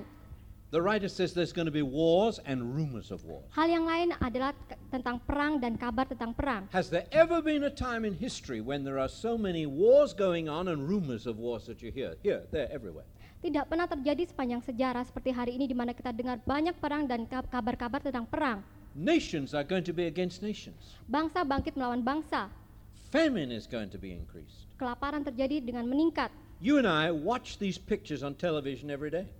Anda dan saya melihat tentang ini setiap hari di televisi. We see the picture of a woman who's hardly got anything on and she's clinging to a baby whose ribs you can see. Ya, kita bisa melihat seorang ibu yang sedang menggendong anaknya dalam keadaan yang sangat compang-camping. Somebody says there are hundreds and thousands like this. Sorry. There are hundreds and thousands just like this. Dan ada banyak ratusan bahkan ribuan orang sama seperti ibu ini. As we meet in church this morning, thousands will die in this world from hunger. Dan kita tahu bahwa akan ada banyak ribuan orang ke- eh, sedang mati karena kelaparan hari-hari ini. But we see these pictures so often. Kita melihat tentang ini semua sangat sering. We say, "Mm, yeah," and we turn the channel. Ya, kita melihatnya begitu saja dan kemudian kita beralih so ke channel familiar lain. to us. Ini sebenarnya sangat akrab dengan kita But there are more today than there ever have been in the world dan ini terjadi di- semakin sering hari-hari ini di seluruh dunia. dying of hunger. Mati karena lapar. Scripture says earthquakes. Dan ayat ayat Alkitab juga berkata tentang gempa And bumi. those who tell us about the scientists who tell us about earthquakes Dan eh, orang-orang yang berkata tentang gempa bumi ini, say there are more earthquakes in the last 20 years than there have been in history. jadi para ahli berkata sepanjang 20 tahun ini terjadi lebih sering gempa bumi Hatred. dan kebencian. Has there ever been a day when people have hated each other like they do today? Kita lihat hari-hari ini bahwa banyak orang saling membenci satu dengan yang lain dengan sangat. We read in the paper of somebody killing someone else because they hate them. Ya, jadi kita lihat di koran-koran begitu saja bisa saling membunuh satu sama It's yang lain. happening all over the world. Itu terjadi di seluruh dunia. Hatred is building up in people. Ya, kebencian sudah menguasai banyak orang. And then the increase of wickedness. Dan kemudian dengan peningkatan kejahatan, Has the world ever been as wicked as it is today? dunia tidak pernah menjadi seperti jahat seperti ini. These are signs of the times that Jesus is getting ready to come. Ini adalah tanda-tanda di mana Yesus akan datang.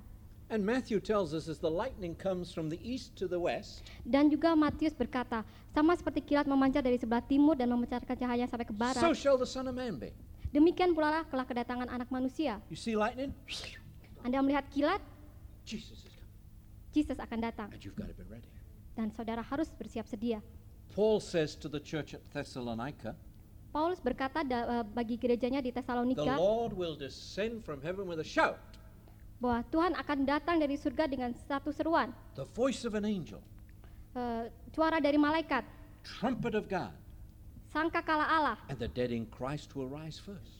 dan kemudian orang-orang di dalam Kristus yang sudah meninggal terlebih dahulu akan bangkit. And we that are alive shall be caught up together with them in the clouds. Dan kita yang masih hidup akan naik bersama-sama dengan mereka dalam awan. Paul writes to the church at Corinth. Paulus juga menulis eh, bagi jemaat di Korintus, He says, In the twinkling of an eye, as quick as you can blink your eye, ya dengan sekejap mata, the trumpet will sound, sangkakala akan berbunyi and we shall be changed. dan kita semua akan berubah. How quick is that? Ya dengan ke- kejapan mata seperti ini, seberapa cepatkah itu? As quick as that. Nah, Jesus seperti ini, seperti itu hanya dalam beberapa detik. Are you ready? Siapkah saudara? The second sign that I think is very real about the coming of Jesus Hal yang kedua yang sangat penting tentang kedatangan Tuhan is that Paul writes to the Thessalonians, it's going to be like a woman who's having a child.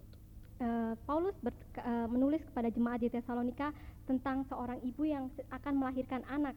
1 Thessalonians chapter 5 verse 3. 1 Tesalonika pasal eh, 5 3. Chapter 5, verse 3. pasal 5 ayat yang ketiga. He says, Destruction will come. Destruction will come like the pains of childbirth. Jadi Paulus berkata bahwa hal itu akan datang sama seperti perempuan yang sedang melahirkan bayinya. Any mother who's had a child Ibu-ibu yang sudah punya bayi, punya knows anak, that she's going to have a child.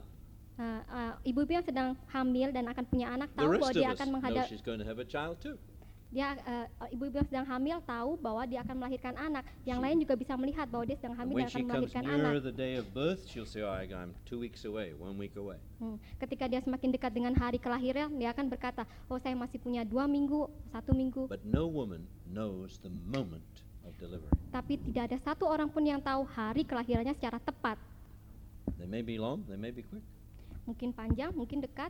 And Scripture, Paul uses this illustration. Dan Paulus um, memakai ilus- ilustrasi He ini. says Jesus will come just like labor pains on a woman. Dia berkata bahwa Yesus akan datang sama seperti perempuan yang melahirkan bayinya. Israel is a wonderful picture of the sign of the coming of Jesus. Israel merupakan salah satu tanda zaman yang sangat ajaib. The book of Joel is divided into two parts. Kitab Joel dibagi menjadi dua bagian. The first part of Joel is about a locust plague, a judgment of God.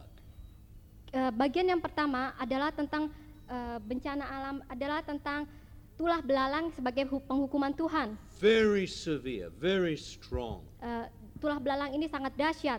That's the first part of Joel. Itu merupakan bagian yang pertama. The last part of Joel Bagian yang terakhir dari is kitab Joel about future events, things that are going to happen. adalah tentang hari yang akan datang. But chapter 2, verse 18 of Joel Tapi pasal 2 ayat yang ke-18 dari Joel is the center of that book. Adalah pusat dari kitab Joel. And this is what the prophet said Dan ini yang dikatakan oleh The Nabi. Lord will be jealous for his people, sorry, jealous for his land and pity his people. bahwa Allah akan menginginkan tanahnya dan mengasihani umatnya. He's going to be jealous for his land, the land of Israel. Ia akan menginginkan tanahnya, tanah Now- Israel. Whether you agree or don't agree doesn't matter. Apa anda eh, saudara setuju atau tidak? Tidak masalah. That land, Israel, is God's land. Bahwa Israel adalah tanah Allah And the Jews are God's people. dan orang-orang Yahudi adalah umat Allah. History tells us Sejarah that mengatakan if a nation has gone against the Jews, they find trouble. bahwa setiap bangsa yang mencoba menyerang orang Yahudi, mereka akan menghadapi A masalah. nation that blesses the Jew has blessing. Orang yang bangsa yang memberkati orang Yahudi akan diberkati pula. Now, you may not like it or you may not agree, Saudara tidak suka atau tidak setuju, but the Bible declares tapi Alkitab that mengatakan land is God's land and the Jews are his people. bahwa Israel adalah tanah Allah dan orang-orang Yahudi adalah umat Allah. And one of the signs of the times Dan salah satu tanda dari zaman ini is concerning things that are beginning to happen in Israel right now. Adalah dengan memperhatikan apa yang terjadi di Israel hari-hari ini. You turn on your news, Saudara bisa lihat uh, almost every berita, day something about Israel. setiap hari pasti ada berita tentang Israel. They want peace. Mereka menginginkan They perdamaian, cannot find it. tapi tidak bisa menemukannya. One day, Satu hari, an antichrist will come and say, I will give you peace. satu hari satu antikris akan datang dan berkata, "Saya akan memberikan And the kedamaian." last days will start. Dan hari-hari yang terakhir akan dimulai. Keep your eyes fixed on that nation of Israel. Eh, pandanglah dari bangsa Israel. All of these things tell us that Jesus is about to come. Semua ini bercerita pada kita bahwa Yesus akan datang. The signs of the times you read in your newspaper, you see on television, Tanda-tanda zaman yang bisa saudara lihat baik itu di televisi maupun the dari events in koran, the nation of Israel, hal-hal yang terjadi di Israel, say Jesus is ready to come. itu semua mengatakan bahwa Yesus akan datang. And Peter asks a question Dan Petrus menanyakan tiga hal. Apakah Anda siap? Apakah Anda siap?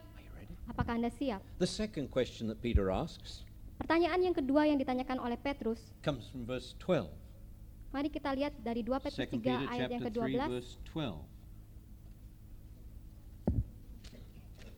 2 Petrus 3 ayat yang ke-12, As you look forward to the day of God. yaitu kamu yang menantikan dan mempercepat kedatangan hari Allah. Let me ask the second question. Eh, biar izinkan saya menanyakan pertanyaan Are you kedua. looking for that day? Apakah Anda sedang menantikan hari Allah? I have two boys. They're grown now, but when they were small, Saya punya dua anak laki-laki, mereka sudah dewasa sekarang, tapi waktu mereka masih kecil, and I was away for business or whatever. saat saya tidak ada di rumah, Maybe after five days I was coming back. mungkin setelah lima hari saya akan kembali. My wife would tell the boys. Jadi eh, istri saya selalu berkata kepada anak-anak saya, When, when Daddy coming? eh, ayah akan kembali. Today? Nah, dan anak-anaknya akan berkata, No. bertanya, Tomorrow? hari Children- ini bukan, Children kemarin, don't understand eh, time. besok gitu. Jadi So- eh, anak-anak selalu bertanya bahwa eh, ayahnya akan pulang. They looked for the day when Daddy would come. Jadi selalu bertanya dan menantikan hari kedatangan ayahnya. Sometimes they would go to the window and look out to see if Daddy was the. Kadang-kadang mereka melihat ke jendela dan apakah ayahnya sudah pulang atau belum. We've all done that. All of us Ya, that. eh, kita juga sering mengalami hal So yang the sama. second question that Peter is asking Jadi pertanyaan yang kedua yang ditanyakan oleh is, Petrus, are you looking for that day? apakah saudara sedang menantikan hari Allah? Not saying, hmm, yeah, I guess Jesus is going to come. Ya, jadi saudara tidak bisa berkata, ya, ya, saya tahu Yesus akan datang. Hmm, it's okay. He can come. Ya, ya, ya, begitulah Yesus But akan are you datang. looking for that day? Tapi apakah Anda menantikan hari Tuhan? It's interesting that in the scripture we have a lot about the coming of Jesus. Sangat menarik bahwa sepanjang ayat-ayat ini kita punya banyak informasi tentang kedatangan Tuhan. Luke chapter 17. Pastor, will you read this for us in a minute? Luke chapter 17, Lihat. verses 26 to 30. Lihat pada ayat yang ke-17, Lukas 17 ayat yang ke-26 mulai. Lukas eh, 17, 26 to 30. Lukas 17 ayat yang ke-26. sampai 30. Dan sama seperti terjadi pada zaman Nuh, demikian pula lah halnya kelak pada hari-hari anak manusia. Mereka makan dan minum, mereka kawin dan dikawinkan, sampai kepada hari Nuh masuk ke dalam bahtera, lalu datanglah air bah dan membinasakan mereka semua. Demikian juga seperti yang terjadi di zaman Lot. Mereka makan dan minum, mereka membeli dan menjual, mereka menanam dan membangun. Tetapi pada hari Lot pergi keluar dari Sodom, turunlah hujan api dan hujan belerang dari langit dan membinasakan mereka semua. 30. Demikianlah halnya kelak pada hari Demikianlah halnya kelak pada hari di mana anak manusia menyatakan dirinya. Listen again, once again, sir. Demikianlah halnya kelak pada hari di mana anak manusia menyatakan dirinya. Thank you. Jesus says, Yesus It will be berkata, just like this when I come. berkata bahwa demikianlah halnya kelak pada hari di mana anak manusia menyatakan dirinya. Go back to the story of Noah. Mari kita kembali ke cerita Nuh Noah was building an ark. bahwa Nuh sedang membangun suatu bahtera, There had never been any rain, tidak pernah terjadi hujan, there was no sea, no water. Oh, dan tidak ada laut di sekitarnya. People said, Why are you building an ark? Dan kemudian orang-orang ber- bertanya, kenapa kamu membangun He bahtera? said, There's going to be a flood. Dan kemudian Nuh menjawab, karena akan terjadi banjir. no flood. Dan kemudian orang-orang tertawa, Doesn't even rain. karena tidak pernah ada hujan. How you going to get the ark to the water? Bagaimana engkau mengangkat bahtera ini ke air? God's going to bring a flood. Nuh menjawab, And Allah akan membawa banjir. Scripture said, Dan ayat There berkata, came a day when God said, No, go into the ark. ada suatu hari di mana Allah berkata kepada Nuh, Nuh pergi masuk ke bahtera. And God shut the door. Dan kemudian Allah yang menutup pintu bahteranya. Dan kemudian turunlah hujan. And then and said, Let us in, let us in. Dan semua tetangganya berkata, "Eh, ayo saya mau masuk, saya mau masuk. Terlambat. What does scripture say? Apa yang dikatakan Alkitab? Right up to that last day, Lihatlah pada hari-hari yang terakhir. people were eating and drinking, marrying, giving in marriage. eh, orang-orang makan, minum, saling mengawinkan. Right till the very last moment when the rain came. Dan kemudian tiba-tiba hujan datang. It says the same thing about Lot and Sodom and Gomorrah. Sama halnya tentang Lot dan Sodom dan Gomora. In Sodom and Gomorrah, before the judgment of God came, Dalam Sodom dan Gomora kita melihat bagaimana penghukuman Allah datang. they were eating and drinking and gambling and doing everything. Mereka sedang makan, minum, berjudi. Obviously, chapter 17, verse 31 refers to Lot and his family in Sodom and Gomorrah. Dan secara jelas Lukas 17 ayat 31 mengacu pada eh, kisah tentang Lot dan keluarganya di Sodom dan Gomora. And Jesus says, Dan Yesus berkata, not me, bukan saya, Jesus, Yesus. it will be just like this.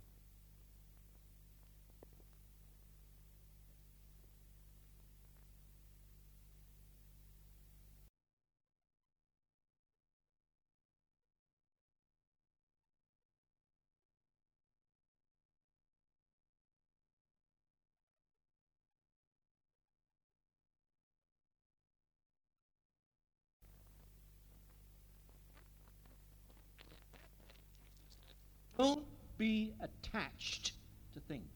Dan pada saat itu juga Yesus berkata, jangan eh, terikat pada sesuatu, pada barang-barang. Now, there's nothing wrong in having a house or a nice car or nice things, Ya, tidak ada salahnya kita memiliki rumah yang bagus, mobil yang bagus. but I know people Tapi saya tahu ada orang who have these things, yang punya semua ini, but the things have them, not they have the things. tapi hartanya menguasainya, bukan dia yang menguasai hartanya. Anybody touch them and say, Don't you touch my things? Nah, kalau ada orang yang mau menyentuh apa yang dimiliki, dia, dia bilang, jangan sentuh barang saya. Things are more important than anything about God. Dan dia berkata bahwa segala sesuatu lebih penting, juga lebih penting dari Allah. And Jesus in this story says, Don't be attached to things. Dan Yesus berkata, jangan terikat oleh hartamu. If Jesus says, Come, would you say, I can't, I just got a new car? Nah, kalau Yesus datang, saudara mana bisa berkata, aduh saya baru punya mobil baru. Jesus says, Come, oh, I can't, I just got my house fixed up. Yesus datang dan saudara berkata, ah eh, rumah saya baru direnovasi. Some people are more attached to things than they are the things of God. Kadang-kadang ada banyak orang yang lebih terikat pada hartanya daripada terhadap Tuhan. And then it says, Don't head back and take something when the call comes to go. Dan kemudian ada juga perintah, jangan mengambil sesuatu, berbalik dan mengambil sesuatu saat panggilan itu datang. I've read many stories of a house that caught on fire and somebody ran back into the house because there's some jewels or something there they wanted to get.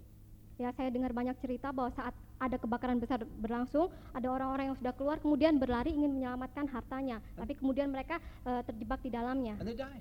dan mati. Don't run back and get something else. Jangan berlari berbalik dan kemudian mengambil apa yang eh, harta yang Anda miliki. Jesus is saying, Don't hold on to things down here. Yesus berkata, jangan terikat atas barang-barang yang ada di dunia ini. Where your heart is, there your treasure is. Di mana hartamu berada, di situ hatimu berada. If your treasure is in your house or your business or your car, beware when Jesus comes. Kalau hatimu berada pada mobilmu, pada rumahmu, berhati-hatilah. Now, there's nothing wrong in having things. Tidak ada salahnya untuk memiliki banyak harta benda. It's whether they have got you or you have got them. Tapi masalahnya, apakah Anda bisa menguasai barang-barang itu atau harta, harta benda yang saudara miliki yang menguasai Anda? And then in Luke chapter 17, verse 32, Dan kemudian eh, dari pasal yang 17 chapter 17, verse 32, dan pasal yang ke-17 ayat yang ke-32 Jesus says one of the most amazing statements. ada satu pernyataan yang sangat penting. He says, Remember Lot's wife. Ingatlah akan istri Lot. So, what's about Lot? Ada apa? Ada apa dengan istri Lot? Why does Jesus say, Remember Lot's wife? Kenapa Yesus berkata, "Ingatlah akan istri What Lot"? do we know about her? Apa yang kita tahu tentang istri Lot? Well, she came from one of the best families. Dia berasal dari keluarga yang sangat baik. She had initiative and she had beauty. Dia cantik, dia pintar. She grew up in the household of Abraham, to whom the world owes so much. Dia besar dalam keluarga Abraham, di mana kita dan seluruh dunia berhutang banyak pada Abraham. Abraham, the man of faith. Abraham adalah bapak orang And beriman, she grew up in this household. dan dia besar se- dalam sebagai isi rumah dari Abraham. She was a member of Abraham's household when the call of God came to go here and go there and go there. Dia adalah anggota dari keluarga Abraham saat panggilan Allah itu datang, pergi ke sini dan pergi ke sini. She watched Abraham build an altar and worship God again and again. Dia melihat bagaimana Abraham membangun mezbah dan kemudian menyembah Allah. She knew all about God, there's no question about that. Dia tahu semua tentang Allah, tidak ada yang perlu diragukan. But there came a day when Mrs. Lot and her husband made a worldly choice. Tapi tibalah pada suatu hari di mana Lot dan istrinya membuat satu keputusan yang salah. They wanted things and privileges. Mereka sangat duniawi dan em, memilih barang-barang duniawi. And Mereka said, memilih harta dan We kehormatan. are wiser than Uncle Abraham. Dan mereka berkata bahwa kami lebih bijaksana dari paman Abraham. Abraham sets his affection on things above. Nah, Abraham berkata bahwa ada ya- lebih baik di atas, We want things and privileges down here. Tapi dia memilih hal-hal yang di bawah, harta dan kehormatan. And scripture says they went down to Sodom. They went down to the city of Sodom. Dan kemudian kalau Nuh naik ke atas, maka mereka pergi ke bawah ke Sodom. That's where the action was. Dan itulah eh, eh, tindakannya, Good place, tempat yang baik. good business. Sodom adalah tempat yang baik Lots untuk fun. bisnis. Banyak kesenangan di dalamnya. And they began to prosper and get wealthy. Dan mereka dengan segera bisa menjadi kaya dan makmur. And soon, Mr. Lot was an elder of the town. Dan dengan segera Tuan Lot menjadi penatua di kota itu. Ah, they said, finally we are getting somewhere. Dan kemudian mereka berkata, akhirnya kita ada di tempat ini. But Mrs. Lot let the wickedness of the town get into her. Tapi Nyonya Lot membiarkan segala kejahatan ini merasuki hatinya. She exposed her soul to the wickedness. Dia membuka jiwanya untuk segala kejahatan yang terjadi di Sodom. She exposed her family to Dia- the wickedness of Sodom. Dia membuka seluruh keluarganya untuk segala kejahatan ini. She handcuffed her own religion. Dia eh, She put handcuffs eh, on her own religion. jadi dia eh, tidak tidak taat pada apa yang eh, dipercayainya And she moved in the things of Sodom. dan dia kemudian pindah ke Sodom. But let me point out, she was not forgotten in the household of Abraham. Tapi eh, saudara mesti ingat bahwa dia tidak akan dilupakan oleh Abraham. God tied that, uh, uh, Abraham tied that woman to the altar as he prayed for her day by day by day. Abraham selalu menaruh istri istri Lot ini dalam doa-doanya hari demi hari. He reached out for a woman who was so involved in drink and gambling and sex of the city of Sodom. Dia selalu mendoakan eh, seorang wanita yang terjebak dalam segala macam kejahatan di kota Sodom ini. And when God was about to destroy them, God sent angels to her. Dan kemudian Allah, eh, Allah tidak begitu saja menghancurkan Sodom, Allah mengutus malaikat kepadanya. She was one woman who could never say, I didn't get a fair chance. Ya, jadi karena seorang malaikat sudah pernah ada, sudah pernah diutus bagi istri Lot, dia tidak tidak tidak bisa berkata bahwa kesempatan ini tidak adil. She knew the facts, she Kan- had special information, Karena dia tahu kenyataan, dia mendapatkan informasi yang sangat istimewa. she knew how to escape, Dia tahu bagaimana cara untuk melarikan diri, but she perished as stupidly as anybody else in Sodom and Gomorrah. tapi dia terhukum dengan sangat konyol bersama-sama dengan orang-orang Sodom dan Gomora. It was not unbelief. Dia bukan seorang yang belum percaya. She believed all right. Dia sudah percaya kepada Tuhan. She had grown up in a household of Abraham where faith was part of the life. Ingat bahwa dia besar dalam keluarga Abraham yang menjadi bapak orang beriman. She entertained angels in her house. Dan saudara tahu bahwa dia juga pernah menyambut malaikat di rumahnya. She didn't laugh at it. Dia tidak menertawakannya. She sent and told her family, but they didn't believe her. Dia pergi ke seluruh eh, keluarganya dan She, mengatakannya. she knew that Sodom was the way to hell. Sorry. She knew Sodom was a way to hell, Iya. Jadi dia tahu bahwa Sodom akan masuk ke neraka, but she lingered. tapi dia mempertimbangkannya. She played with death Dia sedang bermain dengan kematian. until the angels pulled her out of the city. Jadi malaikat ini mencoba untuk mendorongnya keluar dari kota itu. She wanted to see one last show, Dia hanya mau melihat satu pertunjukan terakhir. have one last dance, Eh, hanya ingin eh, satu tarian yang terakhir. gamble once more. Em, berjudi sekali lagi. She wanted a little bit more. Saya dia hanya ingin sedikit lagi. And she lingered until almost the fire descended. Dan dia menginginkan semua ini pada saat detik terakhir saat hukuman itu datang. But what happened? Tapi apa yang terjadi? She looked back. Dia melihat ke belakang. And you say, What's wrong in one last look? Ya, dan mungkin saudara bisa berkata, "Eh, apa yang salah dengan menoleh ke belakang? It indicated a divided heart. Itu mengindikasikan satu hati yang eh, mendua. It indicated a divided will. Itu menunjukkan tentang keinginan yang mendua. She wanted a little bit of heaven, but a lot of hell. Dia menginginkan hanya sedikit surga tapi banyak neraka. The scripture says she looked back. Ayat menyatakan bahwa dia menoleh ke belakang. She said, I'm still in love with Sodom, and somebody's trying to pull me away. Dia berkata bahwa saya sedang mencintai Sodom dan seseorang yaitu malaikat sedang mendorongnya keluar dari Sodom. And she became a pillar of salt. Dan kemudian dengan eh, sekejap dia menjadi tiang garam. Now, God did not turn her back. Nah, dan Tuhan tidak me- mengubahnya kembali. God tried to turn her up. Ya. Tuhan tidak pernah menginginkan kebinasaannya. Tuhan ingin dia naik. God did not condemn her to hell. Tuhan tidak menghukumnya untuk masuk neraka. God has always been in the business of saving men and women from hell. Tuhan selalu berusaha untuk menyelamatkan banyak orang ke surga. And God gave us a picture of this woman to startle us. Ya, jadi Tuhan memberikan gambaran dari wanita ini.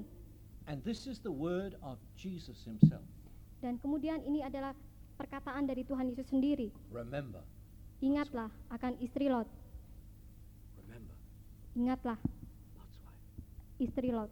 Tell me, are you looking forward to that day of coming or not? Katakan pada saya, apakah saudara sedang menantikan hari kedatangan Tuhan atau tidak? Or are you saying, God wants me and I want to stay here? Nah, mungkin eh, saudara bisa berkata, Tuhan menginginkan saya ke sana, tapi saya lebih ingin ke sini. Lot's wife.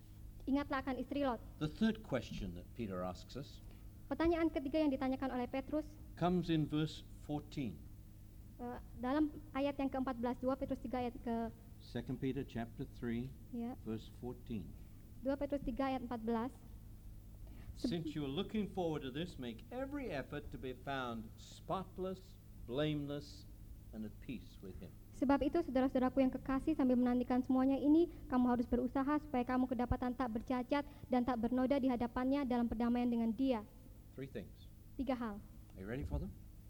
Spotless, Tak bercacat, blameless, tak bernoda, and at peace. dan dalam perdamaian dengan dia. Spotless means you yourself. Tidak bernoda berarti saudara sendiri. All of us know if we have a shirt and I get ink on it, a spot on it, first thing I want is get the spot out. Hmm. Semua orang tahu bahwa kalau misalnya saya kedapatan bernoda, ada noda tinta dalam baju saya, maka saya harus membersihkannya sendiri. All of us know if we, no, somebody doesn't have to say, you got a spot on your shirt. I know. Hmm. Jadi tidak ada, eh, tidak perlu orang lain yang mengingatkan, eh kamu ada tinta gitu, karena saya sendiri sudah tahu. Every one of us knows if there are things in our life which are not good. Ya, setiap orang perlu tahu apa yang tidak baik dalam hidupnya. The Spirit of God whispers to our heart. Roh Kudus akan mengingatkan tentang kelemahan kita. And if there is something wrong in your life this morning, you need to get the blood of Jesus to cleanse it. Dan kalau ada sesuatu yang perlu saudara bereskan pagi ini, saudara perlu minta darah Yesus untuk menyucikannya. Because Peter said, if you're looking forward to that day, Karena Petrus berkata, kalau Anda sedang menantikan hari make Tuhan, sure you are spotless. pastikan bahwa Anda tidak ber- Be bernoda, spotless, ready. bahwa kita siap tidak bernoda. The second thing, Yang kedua, he says, be blameless. tidak bercacat. And blameless is you and me. Nah, tidak bercacat berarti hubungan antara saya dan saudara. Am I doing something which will cause you to fall and not do the right thing? Apakah saya menjadi batu sandungan bagi saudara? Am I going to the wrong place that you will say, well, if Pastor can go there, I can go there too? Apakah saya pergi ke tempat yang salah sehingga saudara bisa berkata, wah itu pendeta pergi ke tempat itu, maka saya akan pergi ke He tempat says, itu none, juga. none- none of their business. I can do what I like. Nah, jadi mungkin saudara berkata, itu urusan saya. Not true. Tidak bisa. Jesus says, if you are looking forward to the coming, then you're going to live blameless. Yesus berkata, kalau engkau sedang menantikan hari kedatangan Tuhan, engkau harus hidup dengan tidak bernoda, tidak bercacat. Dan yang ketiga Jesus says, at peace with God. adalah dalam perdamaian dengan Tuhan. Now you know if you're at peace with God or not. Nah, saudara tahu tentang perd- perdamaian dengan Allah. If you are married, Kalau saudara sudah menikah, happens in between your husband and wife, kalau sesuatu terjadi antara suami dan istri, maka tiba-tiba terjadi kesunyian. You know. Dan saudara tahu bahwa sesuatu sedang You salah. Saudara tidak berdamai satu dengan yang lain. And when things come into our life which are not good, we are not at peace with God. Dan jika ada sesuatu yang salah dalam kehidupan kita, kita sedang tidak berdamai dengan Allah. So these are very simple things. Jadi tiga hal ini ada yang sangat sederhana. If you are looking for Jesus, Kalau saudara sedang menantikan hari kedatangan Tuhan, saudara harus tidak bernoda. oh God. Saudara harus terus-menerus berkata, "Oh Tuhan, sucikan saya." Learn to be blameless in relation to your fellow believers. Eh, Dan menjadi tidak bercacat dalam hubungan saudara dengan yang lain. And then, thirdly, be uh, at peace with God. Dan kemudian yang ketiga adalah perdamaian dengan Dia. Three things Tiga hal. that should be in your life if you're looking for the coming of Jesus. Tiga hal ini harus ada dalam hidup kita kalau kita mau menantikan hari kedatangan Tuhan. Let me ask you. Eh, izinkan saya menanyakan kepada saudara, Are you ready for Jesus to come? apakah saudara siap untuk kedatangan Tuhan? Scripture says the day of the Lord will come just like a thief in the night. Eh, saudara, bahwa Alkitab menyatakan kepada kita bahwa Tuhan akan datang seperti pencuri di tengah malam. Now, none of us know when a thief is going to come, do we? Tidak ada yang pernah tahu apa yang eh, yang bagaimana pencuri akan pergi pada Otherwise, saat we'd apa. stay awake. Kalau enggak kita akan berjaga-jaga. But the thief comes when you're not expecting. Tapi pencuri akan datang pada saat tidak diharapkan. And Jesus will come in a day or an evening or an hour when you probably don't expect. Dan Yesus akan datang mungkin pada pagi, siang, atau malam pada saat saudara tidak mengharapkan kedatangannya. Peter has three questions. Petrus menanyakan tiga I hal want you to remember them this morning. yang ingin saya ingatkan kepada So when you go saudara. out of the doors, you can remember. Pada saat saudara pergi, saudara bisa selalu ingat. Are you ready for Jesus to come? Apakah Anda siap untuk kedatangan Tuhan? consider the signs of the times. Everything around us says Jesus could come anytime. Perhatikan segala tanda zaman dan semua itu mengatakan kepada kita bahwa Yesus akan datang segera. Question number two Pertanyaan yang kedua, Are you looking for that day or not? apakah saudara menantikan hari itu atau tidak? Jesus said, Remember Lot's wife. Dan Yesus berkata, ingat akan istri Lot. Are you spotless, blameless, and at peace with Him? Apakah saudara tidak bernoda, tidak bercacat, dan dalam perdamaian dengan Tuhan? You see, we need to go back to our story again. Mungkin kita bisa melihat kembali eh, tentang cerita itu. One, two, three. Coming! Ready or not? Cerita tentang permainan anak-anak. Satu, dua, tiga, saya akan datang. Siap atau tidak? Jesus is saying to us this morning, I'm coming, whether you're ready or not. Sama seperti yang dikatakan Yesus. Saya akan datang. Siap atau tidak? Matthew chapter 25 tells us the story of ten virgins. Matius pasal yang ke-25 mengatakan kepada kita tentang eh, anak darah, 10 anak darah. When the groom came, Ketika mempelai datang, five were ready lima siap and five were not ready. dan lima tidak siap. And those who were not ready did not go into the wedding. Dan yang tidak siap tidak ikut serta dalam eh, perjamuan nikah. Matthew 24 tells us about two men in business. Nah, juga Matius mengatakan tentang dua orang dalam eh, pekerjaannya. One went and one stayed. Yang satu pergi, yang satu tertinggal. Tells us about two people in bed. Juga bercerita tentang dua orang yang ada di eh, ranjang One went and one stayed. di, di tempat tidur. Jadi yang satu pergi, yang satu ketinggalan. Two were cooking together. Dua orang akan masak bersama-sama. One went and one remained. Satu pergi dan satu ket- ketinggalan. Now, it's a fact there are many people who are not going to be ready when Jesus comes. Jadi Alkitab menyatakan ada banyak orang akan ketinggalan pada saat Yesus datang. Izinkan saya bertanya Jesus is coming. bahwa Yesus akan datang. Jesus is coming. Yesus akan datang. Are you ready? Apakah Anda siap? When I was a little boy, Ketika saya masih kecil, the preachers used to talk about the coming of Jesus very much. Pengkhotbah selalu berkhotbah tentang kedatangan Yesus yang kedua kalinya. And I was scared in case I wouldn't be ready to go. Dan saya sangat takut, jangan-jangan saya tidak siap saat Yesus datang.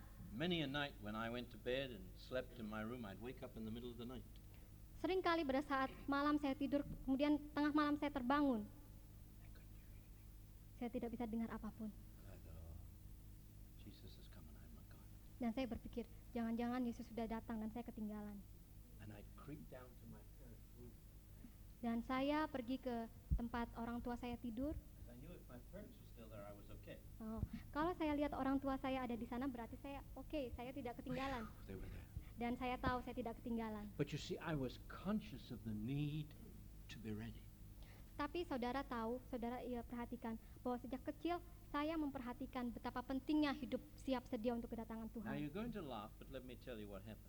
Saudara bisa tertawa, tapi saya In ingatkan those days, pada hari-hari the itu. preacher said if you were in a show and Jesus came, you wouldn't go. Jadi pada saat saya masih kecil, pengkhotbah berkata, kalau pada saat Yesus datang, kamu sedang lagi nonton film, maka kamu tidak akan terangkat. You were in a sinful place, God wouldn't take you. Kalau kau ada di tempat yang nggak baik, kau tidak akan terangkat. I never went to a show Saya tidak pernah nonton bioskop because I wanted to be ready when Jesus came. karena saya ingin siap sedia pada saat Yesus datang. Oh, you say that's not true. Dan kemudian saudara berkata, oh itu tidak benar. Well, it kept me out of problems. Ya, tapi tahu, saudara tahu bahwa itu semua yang saya pikirkan itu menjaga saya dari segala I masalah. was conscious that I needed to be ready when Jesus came. Saya tahu betapa pentingnya untuk menjadi siap sedia bagi kedatangan Tuhan. Are you ready? Apakah saudara siap? Are you looking? Apakah saudara sedang menantikan kedatangan Tuhan? Spotless, blameless, and at peace? Tak bernoda, tak bercacat, dan dalam perdamaian dengan Dia. Because I think from heaven Karena saya tahu dari surga there's going to come a shout pretty quickly. akan ada panggilan dengan sangat segera. Coming! Ready or not? Akan datang, siap atau tidak. Let's pray. Mari berdoa. Heavenly Father, we thank you for your word this morning. Bapa di surga, kami bersyukur untuk firman-Mu pagi ini. We thank thee that Scripture speaks of the fact that you're going to come again. Kami bersyukur Tuhan karena Alkitab mengatakan bahwa Engkau akan datang kembali. And it's true dan itu benar. All of scripture says you are going to come. Setiap ayat firman Tuhan mengatakan bahwa engkau akan datang kembali. And as Peter challenges us this morning, we need to be ready. Dan hari ini kami belajar untuk menjadi siap. We need to be looking for that day. Kami mau belajar menantikan hari Tuhan. And you said remember Lot's wife. Dan uh, kami belajar untuk mengingat tentang istri Lot. And everybody has this hope. Peter says is going to be spotless and blameless and at peace with God. Dan uh, 2 Petrus berkata bahwa kita harus menjadi tak bernoda, tak bercacat dan dalam perdamaian dengan Dia. Speak to our hearts this morning. Berkatalah kepada hati kita pagi ini. And while heads are bowed and eyes closed and nobody is looking around. Saya ingin bahwa setiap saudara menutup matanya, tidak ada yang melihat satu dengan yang lain semua. How many would say preacher this morning? I, I'm really not quite ready. Berapa banyak dari saudara yang berkata dalam hati? If Jesus came, I, I'm not sure bahwa saya tidak siap saat Tuhan Yesus datang. There are things in my life which are not good. Saya perlu membereskan sesuatu dalam hidup saya. I'm not really looking for his coming. Saya belum menantikan kedatangan Everything's Tuhan. going on as normal, and I, I really am not concerned about Jesus coming. Saya tidak pernah peduli dengan kedatangan Tuhan. There are things in my life which are not right, Ada sesuatu dalam hidup saya yang tidak benar and I need to be ready.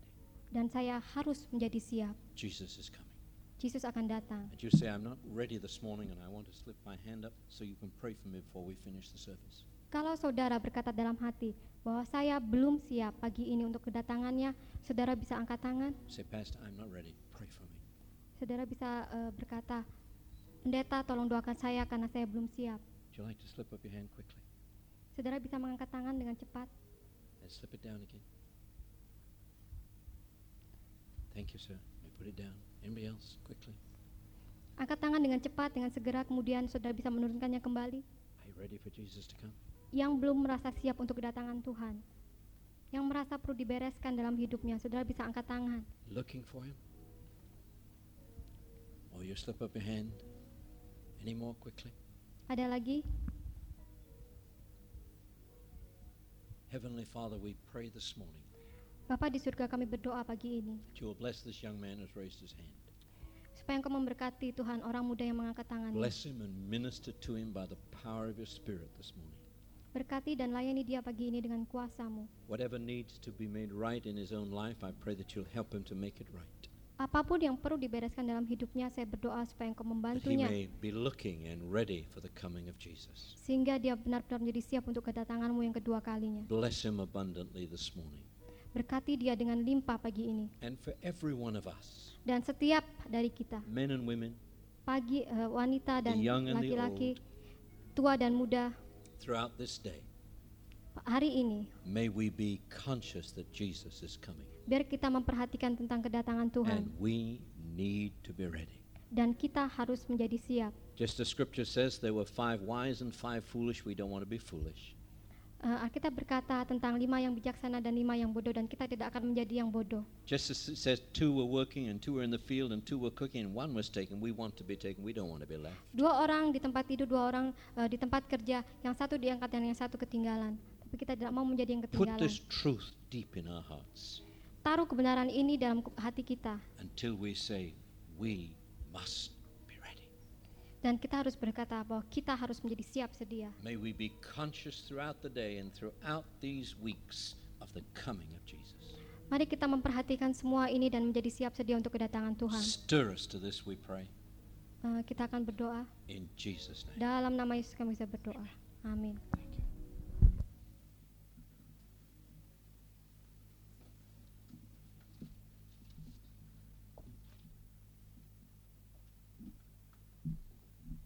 Puji Tuhan, terima kasih buat pelayanan Pak Paul. Kita semua telah diberkati. Saudara-saudara, masih ingat tadi? Sebelum pulang, sebelum melewati pintu, pastikan bahwa kita sudah siap. Amin, saudara. Haleluya.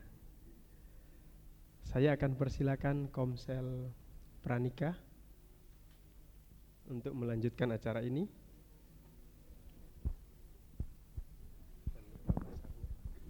Oh, enggak. Oke, selamat siang semuanya. Eh, dipanggil Pak. Oke, kita akan persembahan. Saya minta tolong Yuli dan Van. Kita akan angkat satu pujian.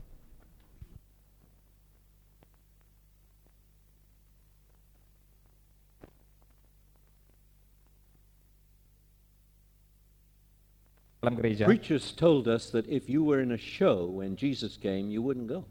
Eh, dan eh, pendeta mengatakan kalau engkau sedang nonton film di sana dan ada pengangkatan, kamu akan tertinggal di sana. And I never went to a show. Dan saya tidak pernah nonton show-show yang seperti I pertunjukan-pertunjukan. was afraid that if I went and Jesus came, I wouldn't go. Saya takut kalau misalnya saya pergi nonton pertunjukan-pertunjukan itu dan Tuhan Yesus datang, saya tidak tidak terangkat. Now you laugh because you don't teach that any longer. Mungkin saudara tertawa karena saudara tidak tidak pernah mendengarkan But pengajaran here seperti was ini. the key. When I was growing up, I was conscious that I needed to be ready when Jesus came. Inilah rahasianya. Pada saat saya bertumbuh, saya mengerti mengenai hal ini dan saya selalu siap untuk kedatangan Tuhan yang kedua kali. Are you ready? Apakah saudara siap? Because you could go to bed tonight and Jesus could come. Karena ada kemungkinan saudara eh, tidur pada malam hari ini dan Tuhan Yesus datang. And if you're not ready, it'll be too late to say, I, I, I, I meant to be ready. I was going to be ready. Dan saudara tidak bisa mengatakan bahwa sebetulnya saya mau siap, tetapi kepingin mau siap, tetapi saya ketinggalan. Coming. Ready or not? Tuhan Yesus akan datang, siap atau tidak. Are you ready? Apakah engkau siap? Are you looking? Apakah engkau sedang Are you menantikan? growing in God? Apakah engkau sedang bertumbuh di dalam Tuhan? Now go back to the game again. Dan mari kembali kepada permainan yang sama. Now, when this child hides and begins to count, Dan pada saat eh, anak ini mulai menghitung, all the rest of the children go to hide. semua orang yang lainnya pergi bersembunyi. Somebody always says, ah, they'll never find me. Dan ada mungkin satu yang nakal mengatakan "Eh, se- tidak mungkin dia akan menemukan And they saya. don't hide. Dan dia tidak bersembunyi. Nine, ten, coming, ready or not? 9, 10, saya siap. Oh, are. Nah, ketahuan karena dia tidak bersembunyi. Jesus says, I'm coming, whether you're ready or not. Tuhan Yesus sedang mengatakan bahwa dia akan datang kembali. Apakah saudara siap atau tidak? Let me ask you, Dan dia bertanya pada saudara, are you ready? apakah engkau siap? All the signs of the time Semua tanda-tanda akhir say zaman that Jesus is coming soon. Mengatakan bahwa Tuhan Yesus akan datang Peter dengan segera. asked three simple questions. Dan dia sedang menanyakan tiga hal. Are you Yang, ready? Are you looking? Are you growing? apakah engkau siap? Apakah engkau sedang menanti-nantikan kedatangan Tuhan? Dan apakah engkau sedang bertumbuh di dalam Tuhan? Let's pray. Mari kita berdoa. Heavenly Father, we thank you for your word this morning. Tuhan Yesus kami berterima kasih untuk uh, sabdamu pada pagi hari ini. We thank thee that you are coming again. Terima kasih Tuhan kalau engkau datang kembali. And scripture teaches us that we need to be ready, Dan firmanmu mengatakan bahwa kami harus siap. that we need to be looking, Dan kami harus we menanti-nantikan need to be kedatanganmu. growing. Dan kami harus bertumbuh di dalam And Father, engkau. this morning our the truth finds a lodging place in everyone's heart. Tuhan kami berdoa, biarlah kebenaran ini ada di setiap kami yang ada di tempat ini. And we think it's close to the time when from heaven there is going to come the shout, coming, ready or not. Dan kami sedang mengerti Tuhan bahwa kedatangan Tuhan yang kedua kali sudah dekat. It'll be too late to get ready then.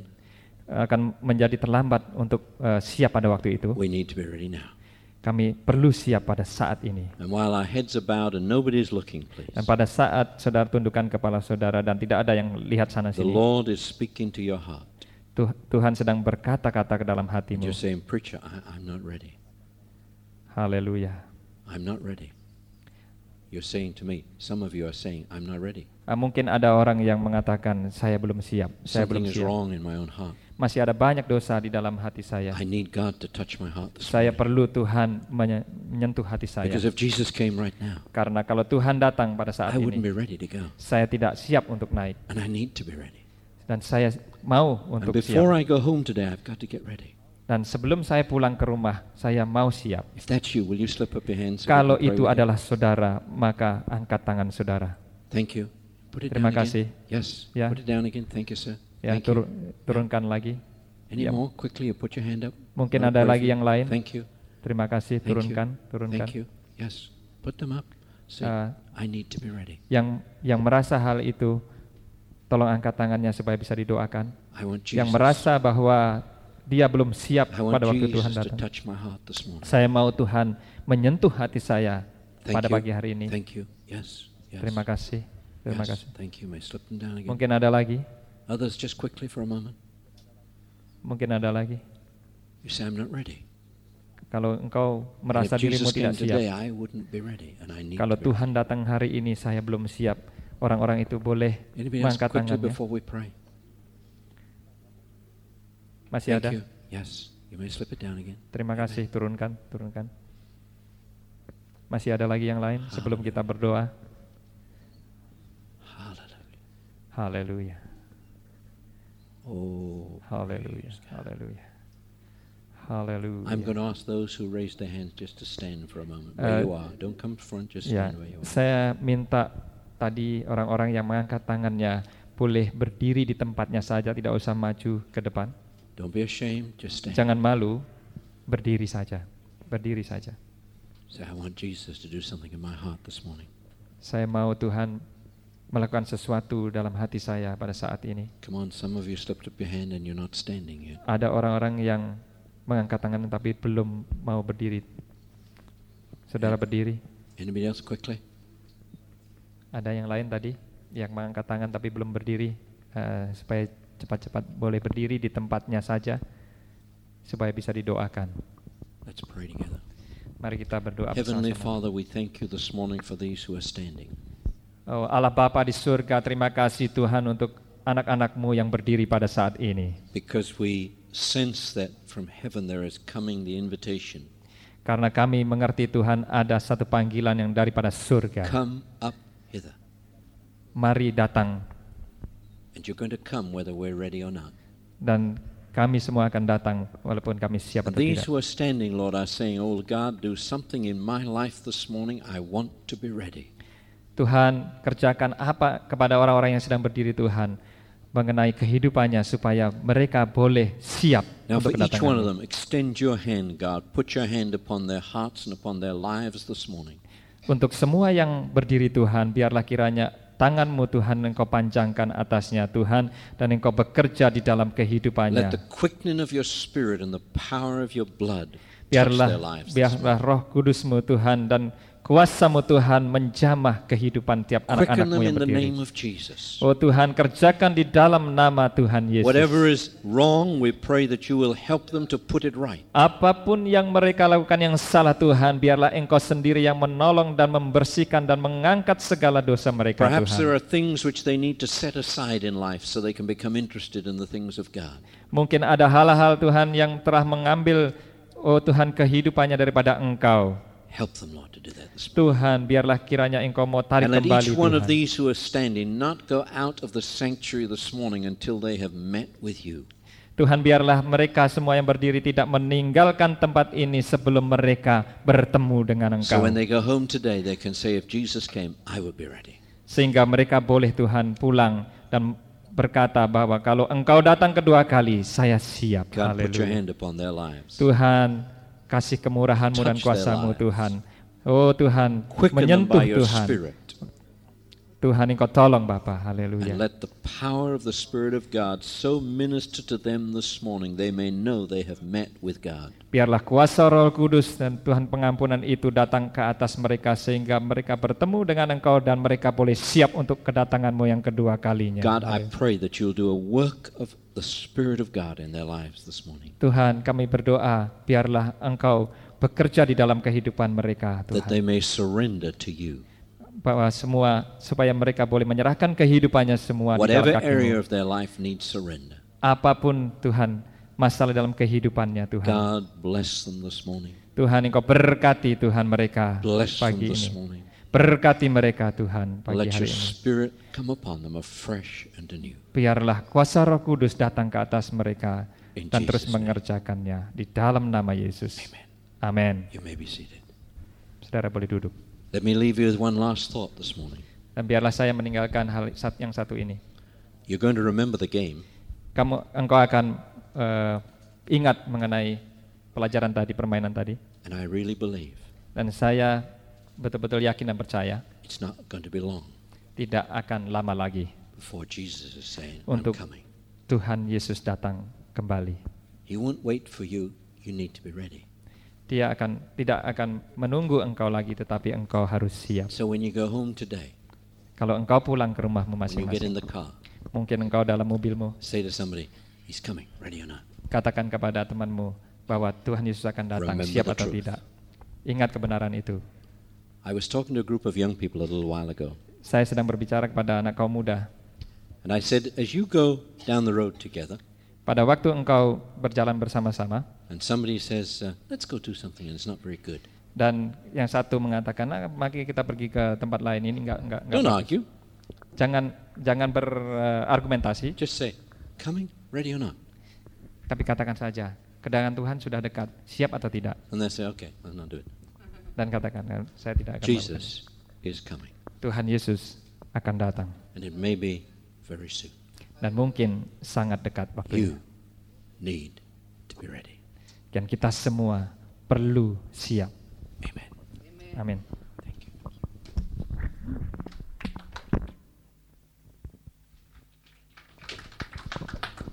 Puji Tuhan, kita semua telah diberkati dengan firman Tuhan. Sambil kita menyanyikan Sudahkah kita siap sedia? Saya akan mempersilakan komsel yang bertugas. Komsel Sunrise. Sudahkah kita siap sedia menghadapi datangnya Yesus kelak kembali untuk mengangkat kita semua yang sungguh-sungguh berharap padanya. Sudahkah kita siap sedia? Sudahkah kita siap sedia? Hanya Yesus kelak kembali untuk mengangkat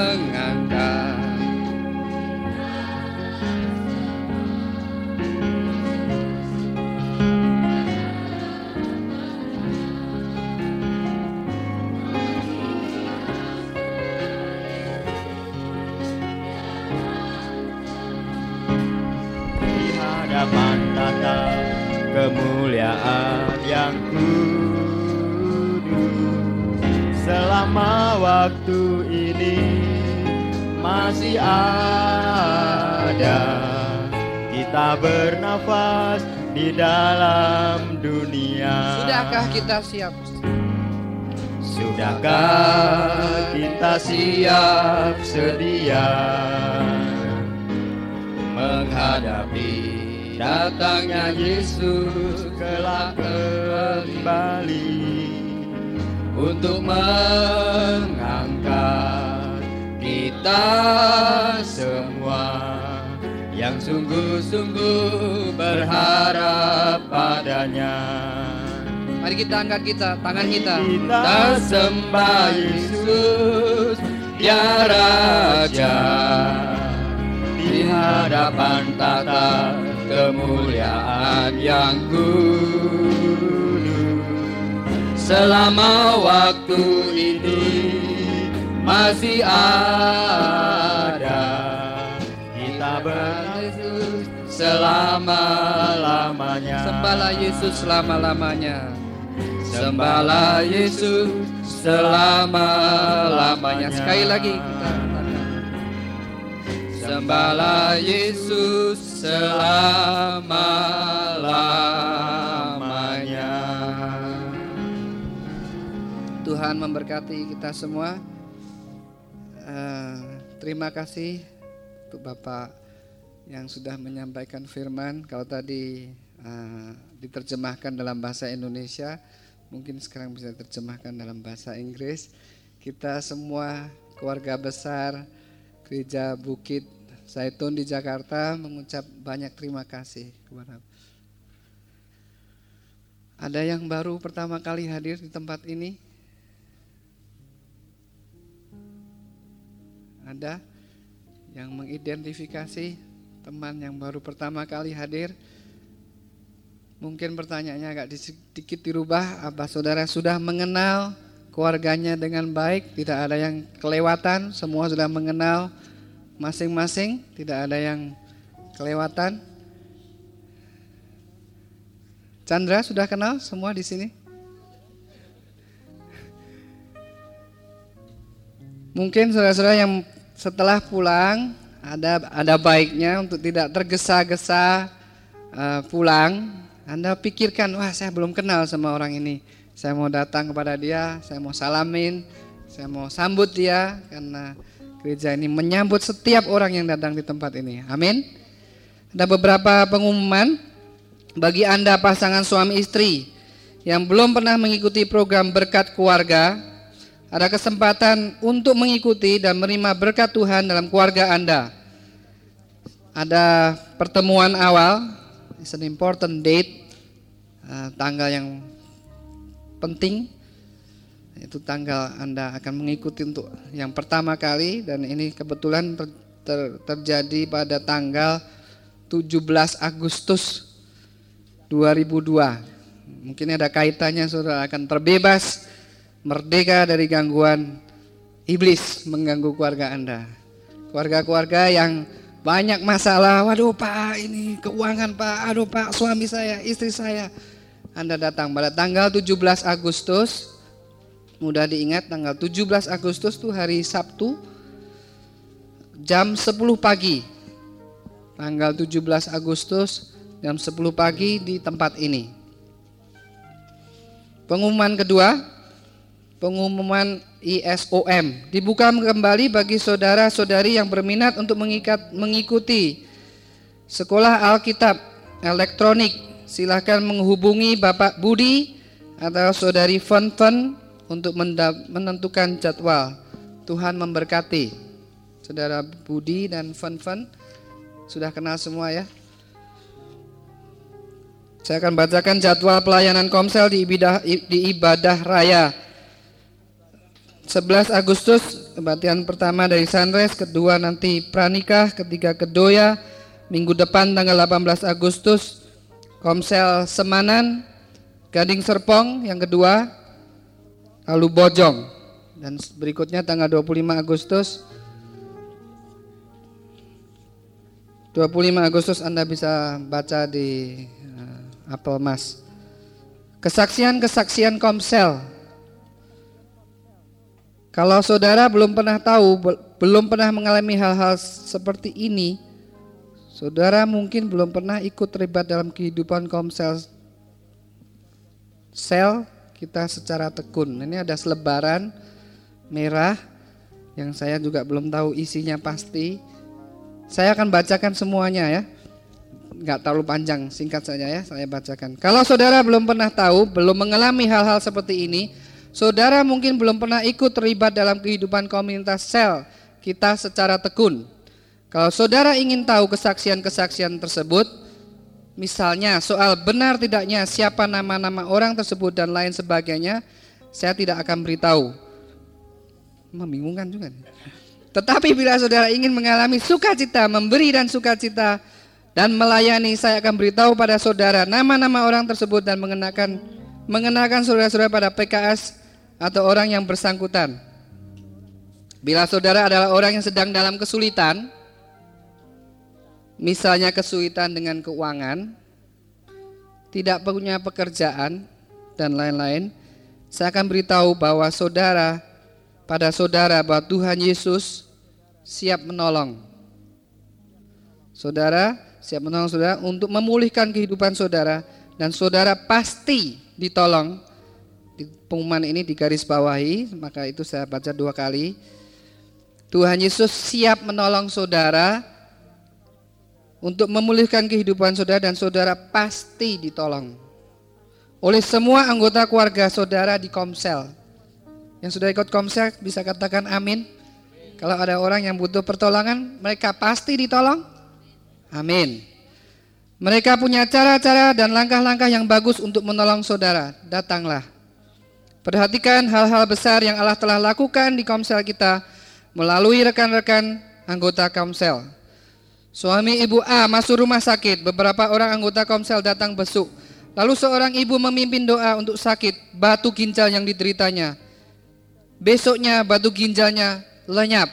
Haleluya. Semua orang percaya dapat melakukan pelayanan terhadap sesama. Tidak ada yang mustahil bagi orang yang percaya, bagi saudara dan saya. Ada lebih dari 15 anak di gereja kita yang tidak dapat melakukan melanjutkan sekolah karena masalah biaya. Namun oleh saudara-saudara seiman yang sedang belajar mempraktekkan gaya hidup Allah, anak-anak ini dibantu sehingga bisa tetap sekolah. Ada yang bantu 100 ribu per bulan. Ada yang bantu 2 juta per bulan. Ingin ikut? Jangan tunda, mumpung saudara masih mampu. Segera beritahu PKS saudara. Ada orang yang hutang tidak bisa bayar. Saya pernah nih begini. Tetapi ketika teman-teman seiman tahu mereka bersepakat mengumpulkan uang mereka dan membantu membayar hutang tersebut. Hutang bukan cara hidup sesuai firman Tuhan. Kebiasaan berhutang biasanya menyimpan seabrek dalam tanda kutip seabrek kekeliruan dan pelanggaran dalam soal uang. Ada proses yang penting dan dalam menolong orang yang terlibat terlilit hutang. Tapi memberi dan berbagi uang atau harta untuk hut, untuk hutang orang lain, hutangmu juga merupakan hutangku. Saya membaca ya, Saudara. Enggak, saya juga kebetulan saya disuruh membaca sini saya akan memberi keyakinan bahwa saya mengatakan ini benar bagi diri saya dan saya harap saudara-saudara juga bisa mengatakan coba ke kiri ke kanan sekarang kelihatannya tegang saya juga ikut tegang. Katakan sebelahnya satu sama lain hutangmu adalah hutangku. Silakan silakan. Kalau yang suami istri jangan dulu lah ke, ke depan lah. Mari Pak Sutopo kasih tahu uh, siapa namanya? Yang di belakang Kateong Kateong sama Pak Sutopo.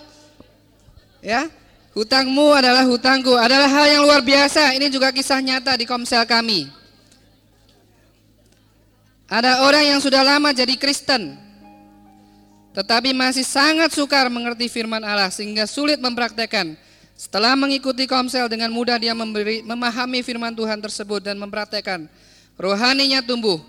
Ah seandainya sejak 10 atau 20 tahun yang lalu saya tahu hal ini. Dari dulu saya sudah ikut komsel. Puji Tuhan. Dengan komsel ada mujizat lain terjadi yaitu mujizat kepemimpinan. Waktu kita berjumlah plus minus 100 orang, saya sudah mulai kelabakan mengurusi jemaat jemaat ini. Kira-kira ini mungkin dari Pak Sony kali ini ya. Tetapi sekarang dengan jumlah yang kurang lebih 400 orang, hampir semua pelayanan pengembalaan dapat dilaksanakan. Oleh siapa? Oleh para PKS dan calon-calon PKS di tiap komsel. Saya sebutkan singkatan dari PKS adalah pemimpin komunitas sel. Luar biasa. Rekan-rekan PKS dan calon PKS ini benar-benar merupakan anugerah Tuhan yang sangat berharga buat saya dan kita semua. Saya dalam kurung Bapak Sony S. Ada PKS-PKS yang sudah berusaha melayani dengan baik dan setia dan tetapi tidak puas sampai suatu ketika dia mendapatkan petunjuk untuk mulai belajar melatih orang lain. Lalu ia mulai dengan tekun melatih, membina, dan melayani seorang temannya di Komsel. Dan akhirnya mereka bersama-sama melayani di Komsel yang berbeda. Dua-duanya maju. Dan pelatihan semacam itu masih diteruskan lagi oleh keduanya sampai sekarang. Hmm. Ini jangan hmm. Amin. 70 komsel kayaknya tidak jauh. Mari kita bangkit berdiri. Kita mengaminkan Wah 70 komsel kayaknya tidak jauh, bukan hem lagi nih. Saya kritik hemnya. Kita aminkan. Amin saudara-saudara. Saudara-saudara mau mengikuti komsel di masing-masing tempat, saling melayani, saling mengasihi, berbagi hidup. Utangmu adalah hutangku, kesukaranmu adalah kesukaranku. Amin. Ini aminnya pada ragu-ragu yang sebelah sini, yang sini. Amin saudara-saudara. Yang sebelah sini ragu-ragu enggak nih? Amin. Kita akan uh, akhiri kebaktian pada hari ini. Saudara-saudara diberkati.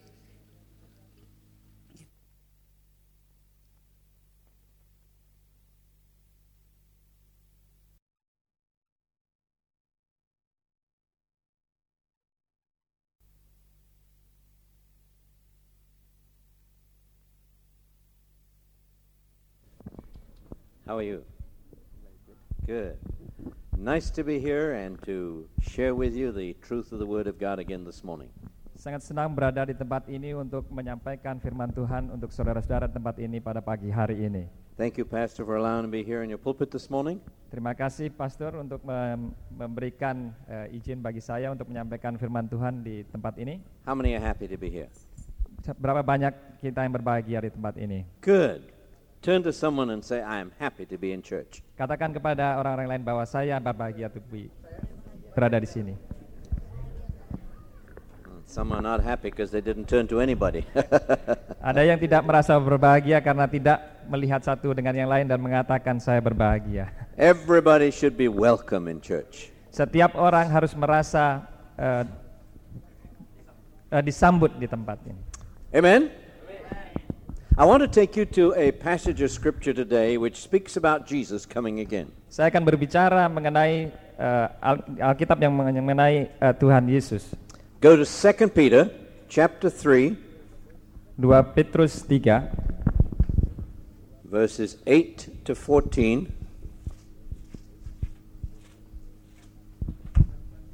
And then verse ke-8 18. sampai 14 Chapter dan 3 verses 8 to 14 and then verse 18. 2 Petrus 3 ayat yang ke-8 sampai 14 dan 18. Maybe you'd read, would you? Eh, ayat yang ke-8 Akan tetapi saudara-saudaraku yang kekasih yang satu ini tidak boleh kamu lupakan yaitu bahwa di hadapan Tuhan satu hari sama seperti seribu tahun dan seribu tahun sama seperti satu hari Tuhan tidak lalai menepati janjinya sekalipun ada orang yang menganggapnya sebagai kelalaian tetapi ia sabar terhadap kamu karena ia menghendaki supaya jangan ada yang binasa, melainkan supaya semua orang berbalik dan bertobat. Tetapi hari Tuhan akan tiba seperti pencuri.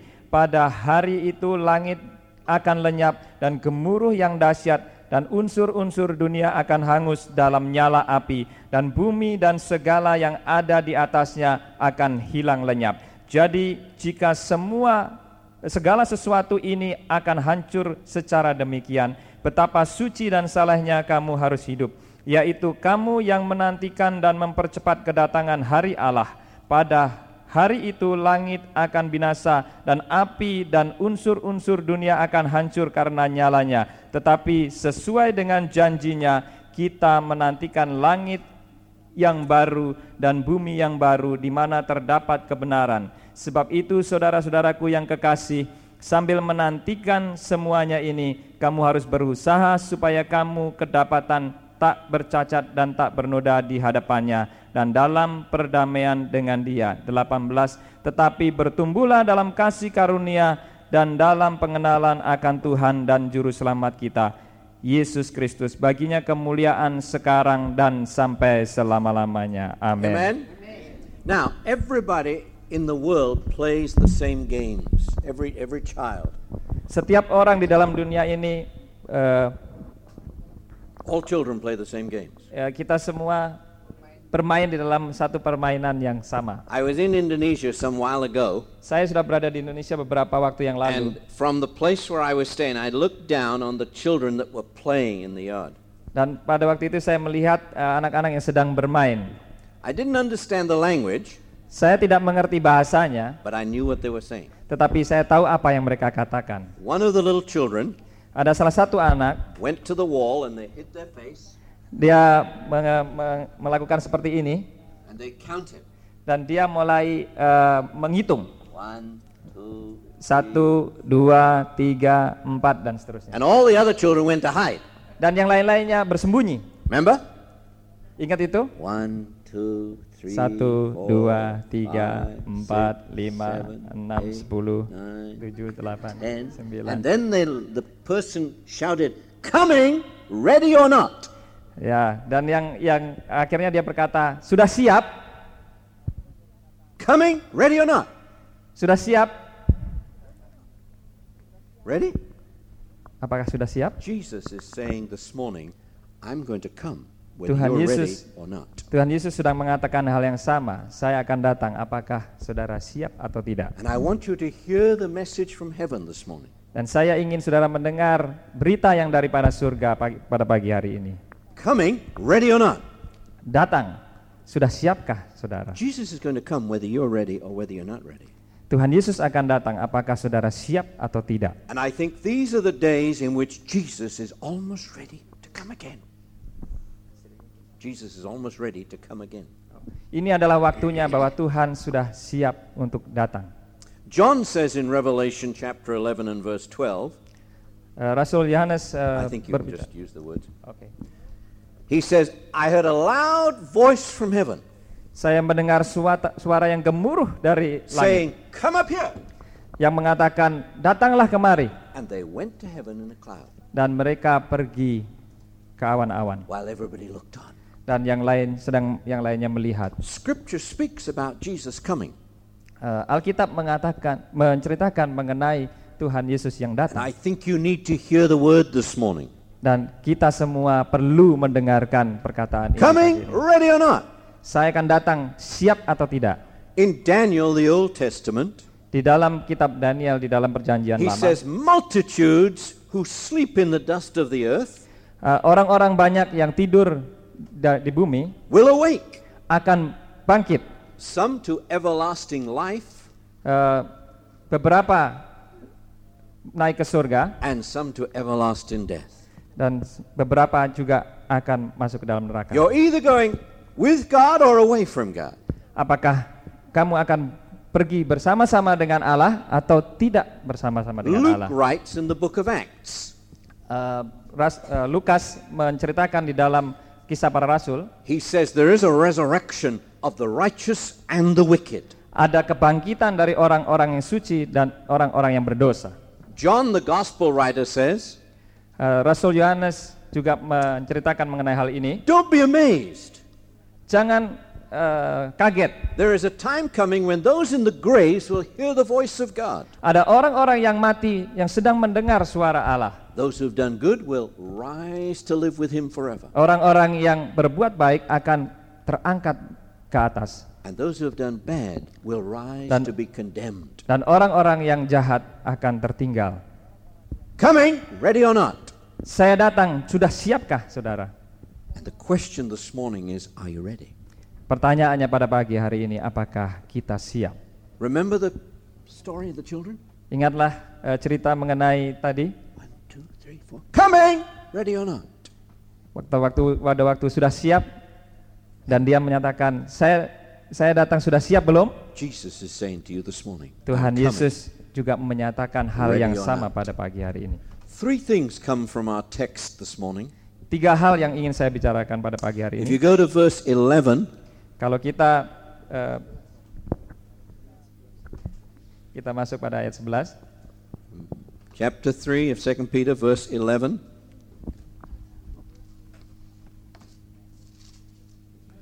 ayat 11. Jadi jika segala sesuatu ini akan hancur secara demikian betapa suci dan salehnya kamu harus hidup. What kind of people ought you to be? Orang semacam apa kita harus menjadi? Here's the question now. Ini- question number one that Peter asks Ini adalah pertanyaan yang pertama yang eh, Petrus pertanyakan. Are you ready for the call to come up to meet Jesus? Apakah kamu siap untuk satu pengangkatan ini? Are you ready? Apakah kamu siap? You can't say, Are you ready? No, Jesus says, Are you ready? Kamu tidak bisa mengatakan apakah kamu siap, tetapi kita semua harus bertanya kepada diri kita Are sendiri. you ready for the call to come up to heaven? Apakah kita siap dengan panggilan untuk naik ke surga? If you look around you in the world in which we are living, Kalau kita sedang melihat di tengah-tengah dunia di mana kita sedang berada, and you look at what we call the signs of the times, kalau kita sedang melihat eh, waktu atau tanda-tanda, I think you have to be aware that the coming of Jesus Christ is very close. kita harus sadar sepenuhnya bahwa kedatangan Tuhan itu sudah dekat. We must be very close to the time when from heaven there will come the sound, Come up thither. Kita adalah dalam waktu-waktu ini adalah waktu yang dekat di mana kita akan mendengar suara, mari naik ke surga. And Jesus is going to come. Dan Tuhan betul-betul akan He datang. will come. Ia akan datang. Don't make any mistake about it. Jesus is going to come again. Jangan salah bahwa Tuhan akan datang But lagi. the question we need to ask is how many of you are ready this morning if Jesus would come? Tetapi pertanyaannya adalah berapa banyak dari kita siap pada waktu Tuhan All Yesus datang. scripture teaches that you and I should be ready for the coming of Jesus. Alkitab menjelaskan eh, semuanya mengenai Tuhan Yesus yang akan datang. Luke writes in Acts chapter 1 Eh, Lukas me- menulis di dalam kisah para rasul This pertama, same Jesus shall so come in like manner as ye have seen him go. Tuhan Yesus yang sama yang pernah datang ke bumi akan datang kembali. You remember the disciples were watching as Jesus went back to heaven. Kita lihat eh, bahwa murid-muridnya pada waktu dia melihat Tuhan Yesus sedang naik terangkat ke surga dan dia lihat lihat dan And lihat. suddenly angels were with them.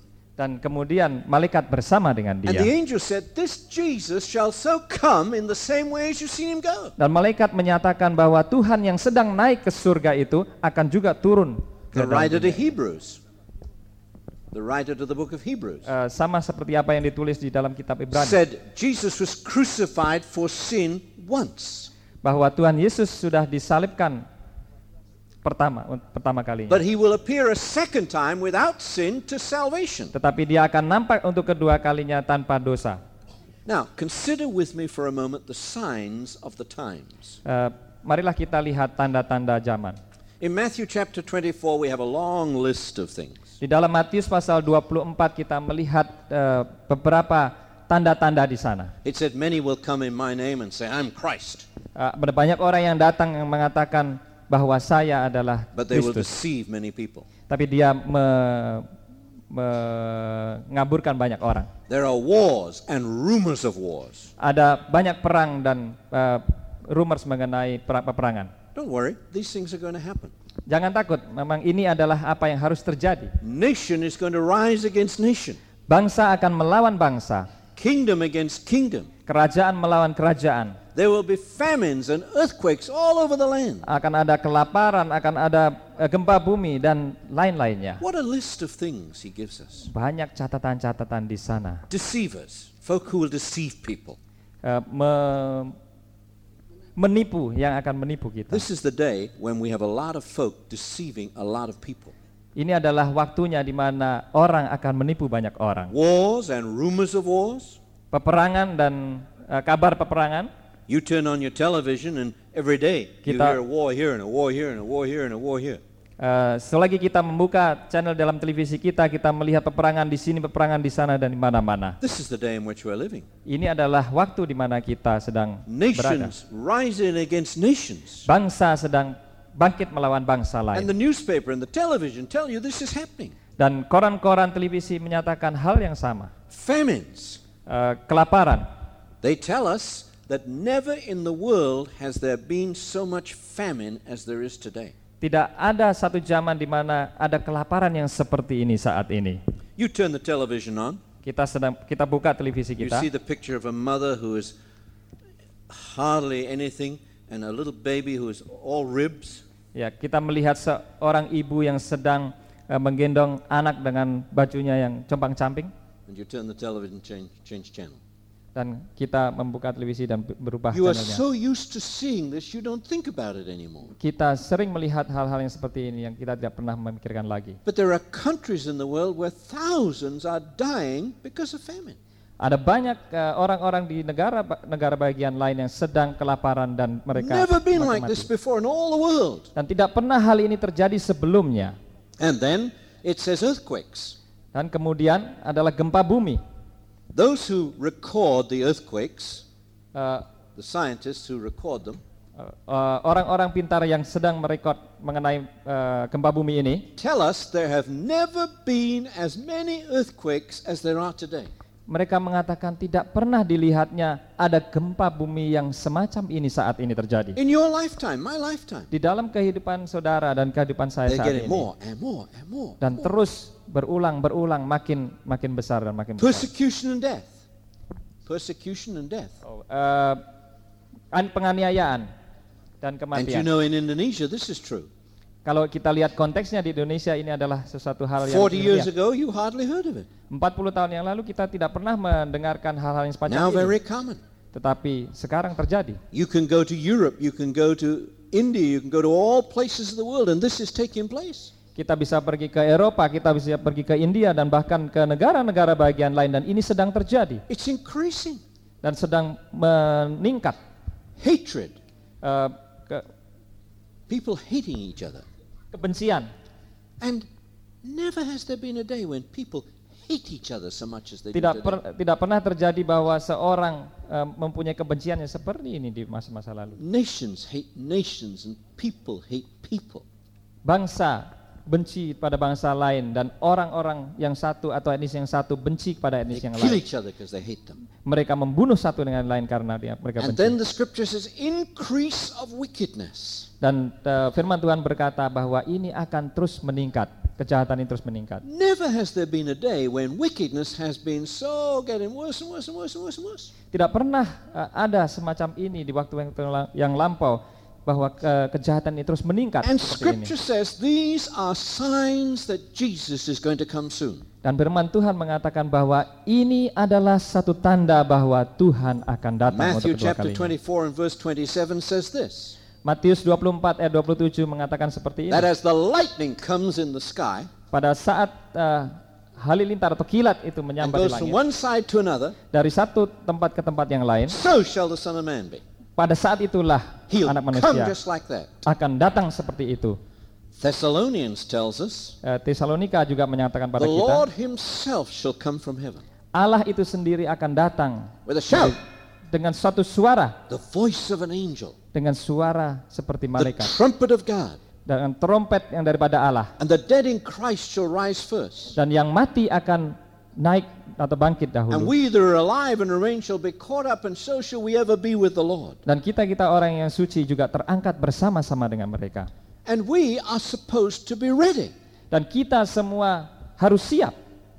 Are you ready? Apakah kamu siap? The sound from heaven is coming. Ready or not? Suara dari surga mengatakan, aku akan datang.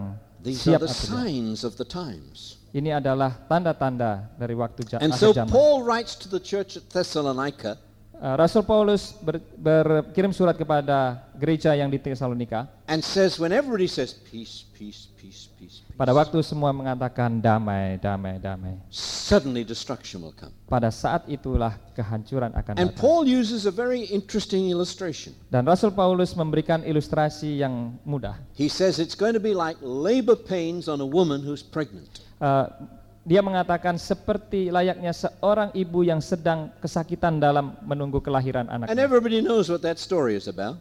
Dan setiap orang mengerti mengenai, uh, If, tidak any, mengerti any mengenai cerita itu. children and born children, if you women have born children, you know the story. Uh, bagi ibu-ibu yang sudah pernah melahirkan anak, ibu-ibu juga bisa You all know mengerti. you're going to be pregnant when you're bearing a child. Uh, saudara juga tahu bagi yang wanita bahwa saudara akan hamil dan akan melahirkan And anak. everybody else knows you're pregnant.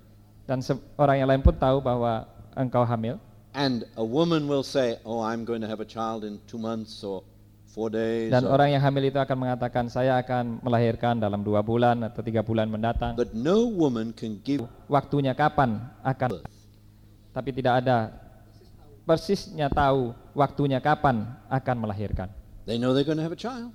Dia tahu bahwa dia akan memiliki eh, sebuah bayi closer and closer. dan menjadi dekat dan dekat waktunya But nobody, no woman ever knows the moment of birth. dan eh, dia tidak tahu persisnya kapan anak itu akan lahir waktunya And tepat. Paul says Dan Rasul Paulus berkata bahwa kedatangan will Tuhan be like that. akan seperti itulah. We will know the signs that tell that Jesus is coming, Kita akan tahu mengenai tanda-tanda bahwa Tuhan Yesus akan datang, but we will not know the moment that he's going to come. tetapi kita tidak tahu pasti kapan waktunya That's why persisnya. you have to be ready. Itulah sebabnya maka mengapa kita harus siap. Coming, ready or not. Datang siap atau tidak. Israel, the land of Israel, is another good sign. Eh, bangsa Israel atau daerah Israel adalah salah satu tanda yang yang If you bagus. looked at the prophet Joel, Kalau kita melihat Nabi Yoel, the book of Joel is divided into two sections. eh, kitab Nabi Yoel dibagi menjadi dua seksi. The first section of Joel speaks of the disaster which is coming upon the people. Seksi yang pertama menceritakan mengenai eh, kehancuran yang akan terjadi. It speaks of the locust plague. Meng- eh, berbicara mengenai eh, belalang And it's very, very serious. It's worse than anything they've ever had before. Dan ini sangat eh, begitu merusakkan se- tidak seperti hal yang lain yang kita The ketahui. judgment of God. penghakiman Allah. The second half of the book Eh, i- kitab eh, yang kedua, seksi yang kedua, speaks of future things, the future things of Jesus. berbicara mengenai hal-hal yang akan datang mengenai Tuhan Yesus. Right in the middle of the book, there's one very interesting verse. Mengapa di tengah-tengah ada satu eh, ayat yang penting In chapter 2, verse 18, di eh, pasal 2 ayat yang ke-18. this is what the prophet says. Ini yang Nabi katakan. He says, The Lord will be jealous for his land and he will pity his people. Eh, bahwa Tuhan akan merasa cemburu kepada tanah Israel, tapi Dia akan juga mengasihi orang-orang Israel. You see, Israel is God's land.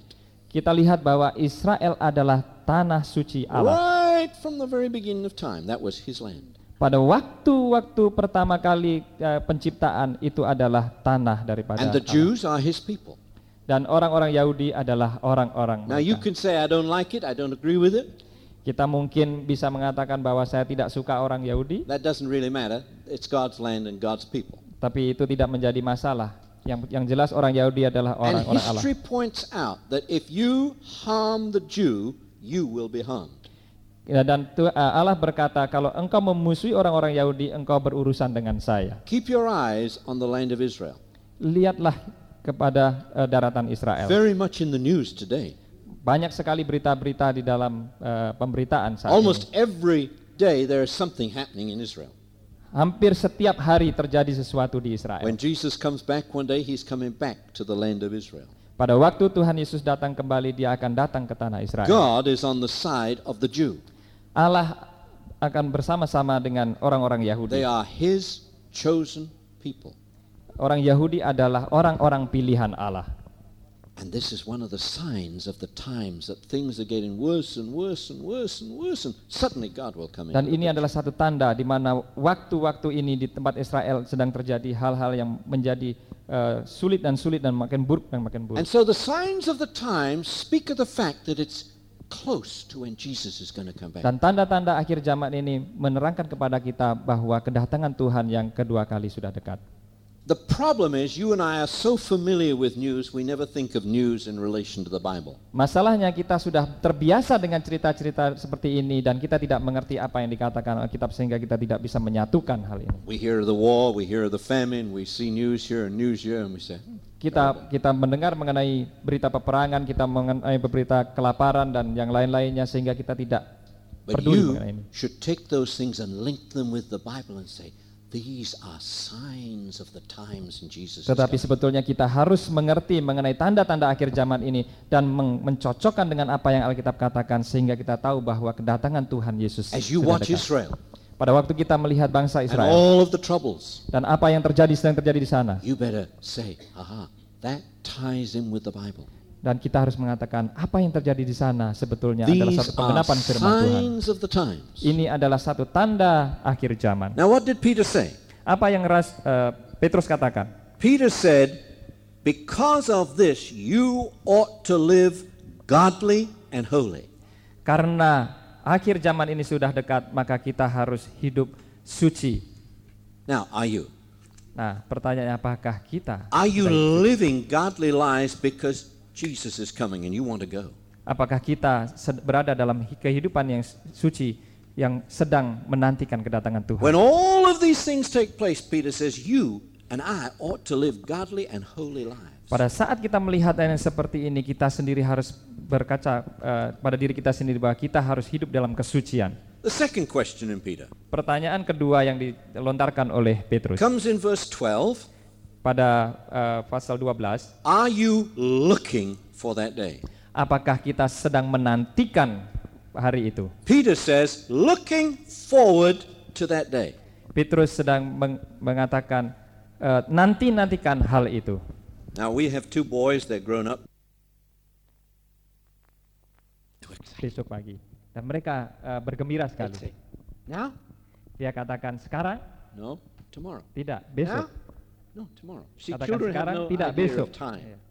Children don't understand time. Eh, Anak-anak tidak mengerti mengenai masa atau They were waktu. excited because daddy was coming. Mereka sangat bergembira dan excited. And we all have that kind of understanding. Dan kita juga mempunyai pengertian yang sama. And they go to the window and look, Dan dia lihat di jendela dan lihat apakah ayahnya sudah pulang. And we've all done that sometimes. Dan kita kadang-kadang melakukan hal yang seperti itu, hal yang sama. Peter says, Are you looking forward to the day when Jesus comes? Eh, Petrus mengatakan, apakah kita sedang menantikan mengenai kedatangan Tuhan? Or are you saying, Okay. Atau kita katakan, saya nggak peduli, nggak perlulah itu. Or are you looking forward to that day when Jesus Apakah kita sedang menanti-nantikan kedatangan Tuhan? In the midst of Jesus preaching about the signs of the times, Di tengah-tengah Tuhan Yesus sedang menceritakan mengenai eh, tanda-tanda akhir zaman, he said something in Luke. dia sedang dia berbicara sesuatu di dalam kitab Lukas. And maybe maybe someone will read Luke chapter 17 verses 26 to 30. 17 24 sampai 30. Luke chapter 17 verse 26 to 30. Dan sama seperti terjadi pada zaman Nuh, demikian pula lah halnya kelak pada hari-hari anak manusia. Mereka makan dan minum, mereka kawin dan dikawinkan, sampai kepada hari Nuh masuk ke dalam bahtera. Lalu datanglah air bah dan membinasakan mereka semua. Demikian juga seperti yang terjadi di zaman Lot. Mereka makan dan minum, mereka membeli dan menjual, mereka menanam dan membangun. Tetapi pada hari Lot pergi keluar dari Sodom, turunlah hujan api dan hujan belerang dari langit dan membinasakan mereka semua. Demikianlah halnya kelak pada hari di mana anak manusia menyatakan dirinya. All right, listen to the last phrase. Read it once again. The last phrase. It says, It will be just like this when the Son of Man comes. Demikianlah halnya kelak pada hari di mana anak manusia menyatakan dirinya. Again? Demikianlah halnya kelak pada hari di mana anak manusia menyatakan dirinya. Now that's Jesus talking. Thank you. Nah, That's itu adalah Jesus talking. perkataan daripada It Tuhan will Yesus. be just like this when Jesus comes. Dan dan seperti inilah Tuhan Yesus akan datang. Now he's referring to two stories. Dan dia sedang berbicara mengenai dua hal. The story of Noah, Hal mengenai eh, Nuh and you remember the story how Noah was building an ark? dan kita semua masih ingat bagaimana Nuh sedang membangun bahteranya. God said it's going to flood. Tuhan mengatakan bahwa akan ada banjir yang besar. Everybody said, not to flood. Dan banyak orang mengatakan tidak, tidak mungkin Never ada rain. banjir, tidak pernah melihat hujan, Not near the sea, tidak dekat laut, won't flood. tidak akan ada banjir. Noah, something wrong. Nuh sedang gila, Something's wrong. sedang gila mungkin. But Noah kept building. Noah kept building. Tetapi Noah Nuh terus membangun dan membangun bahtera The itu. scripture said that men were eating and drinking and marrying and giving in marriage right up till the very moment the rain came. Dan pada saat itu eh, Alkitab sedang mengatakan bahwa banyak orang-orang sedang makan, minum, mabuk-mabuk dan berbuat segala sesuatunya dan pada saat itu hujan datang. Noah was in the ark. Noah ada di dalam bahtera. God shut the door. Tuhan menutup pintunya And when the rain started, dan pada waktu hujan mulai everybody said, let me in, let me in, let me in, let me in. dan banyak orang ingin masuk It was too late. tapi terlambat. As in the days of Noah, Pada eh, seperti apa yang terjadi di it'll dalam Noah just like this when the Son of Man comes. dan seperti itulah anak manusia akan datang untuk kedua Then kali. he uses the story of Sodom and Gomorrah, Dan dia kemudian bercerita mengenai Sodom dan Gomora, a very wicked city. eh, kota yang sangat eh, jahat. Lot was living in that city. Eh, Lot sedang berada atau hidup di dalam kota itu. God said, I'm going to judge the city. Eh, Tuhan katakan aku akan menghakimi kota Ah, ini. Folks no. Dan orang-orang banyak bilang nggak mungkin, nggak mungkin. And they were itu." going on with their sin and their pleasure and everything they wanted to Dan do. dia sedang mereka mereka semua sedang berdosa, minum makan minum dan segala macam. And suddenly fire came from heaven. Dan pada saat itu juga eh, api datang dari surga They were gone. dan menghanguskan semua yang And ada. Jesus says, Dan Tuhan Yesus berkata, not this preacher, Jesus says, bukan saya yang mengatakan, tapi Tuhan it Yesus will yang be mengatakan. just like this when Jesus comes. Dan seperti hal yang sama inilah Tuhan Yesus akan datang. Now, obviously, this chapter refers to the story of Sodom and Gomorrah. Memang eh, apa yang Alkitab ceritakan ini menun- me- merelasikan kepada Sodom dan Gomora And surely there are some lessons to be learned. dan ada memang beberapa banyak eh, pelajaran yang dapat ditarik. People in Sodom and Gomorrah were not thinking about God.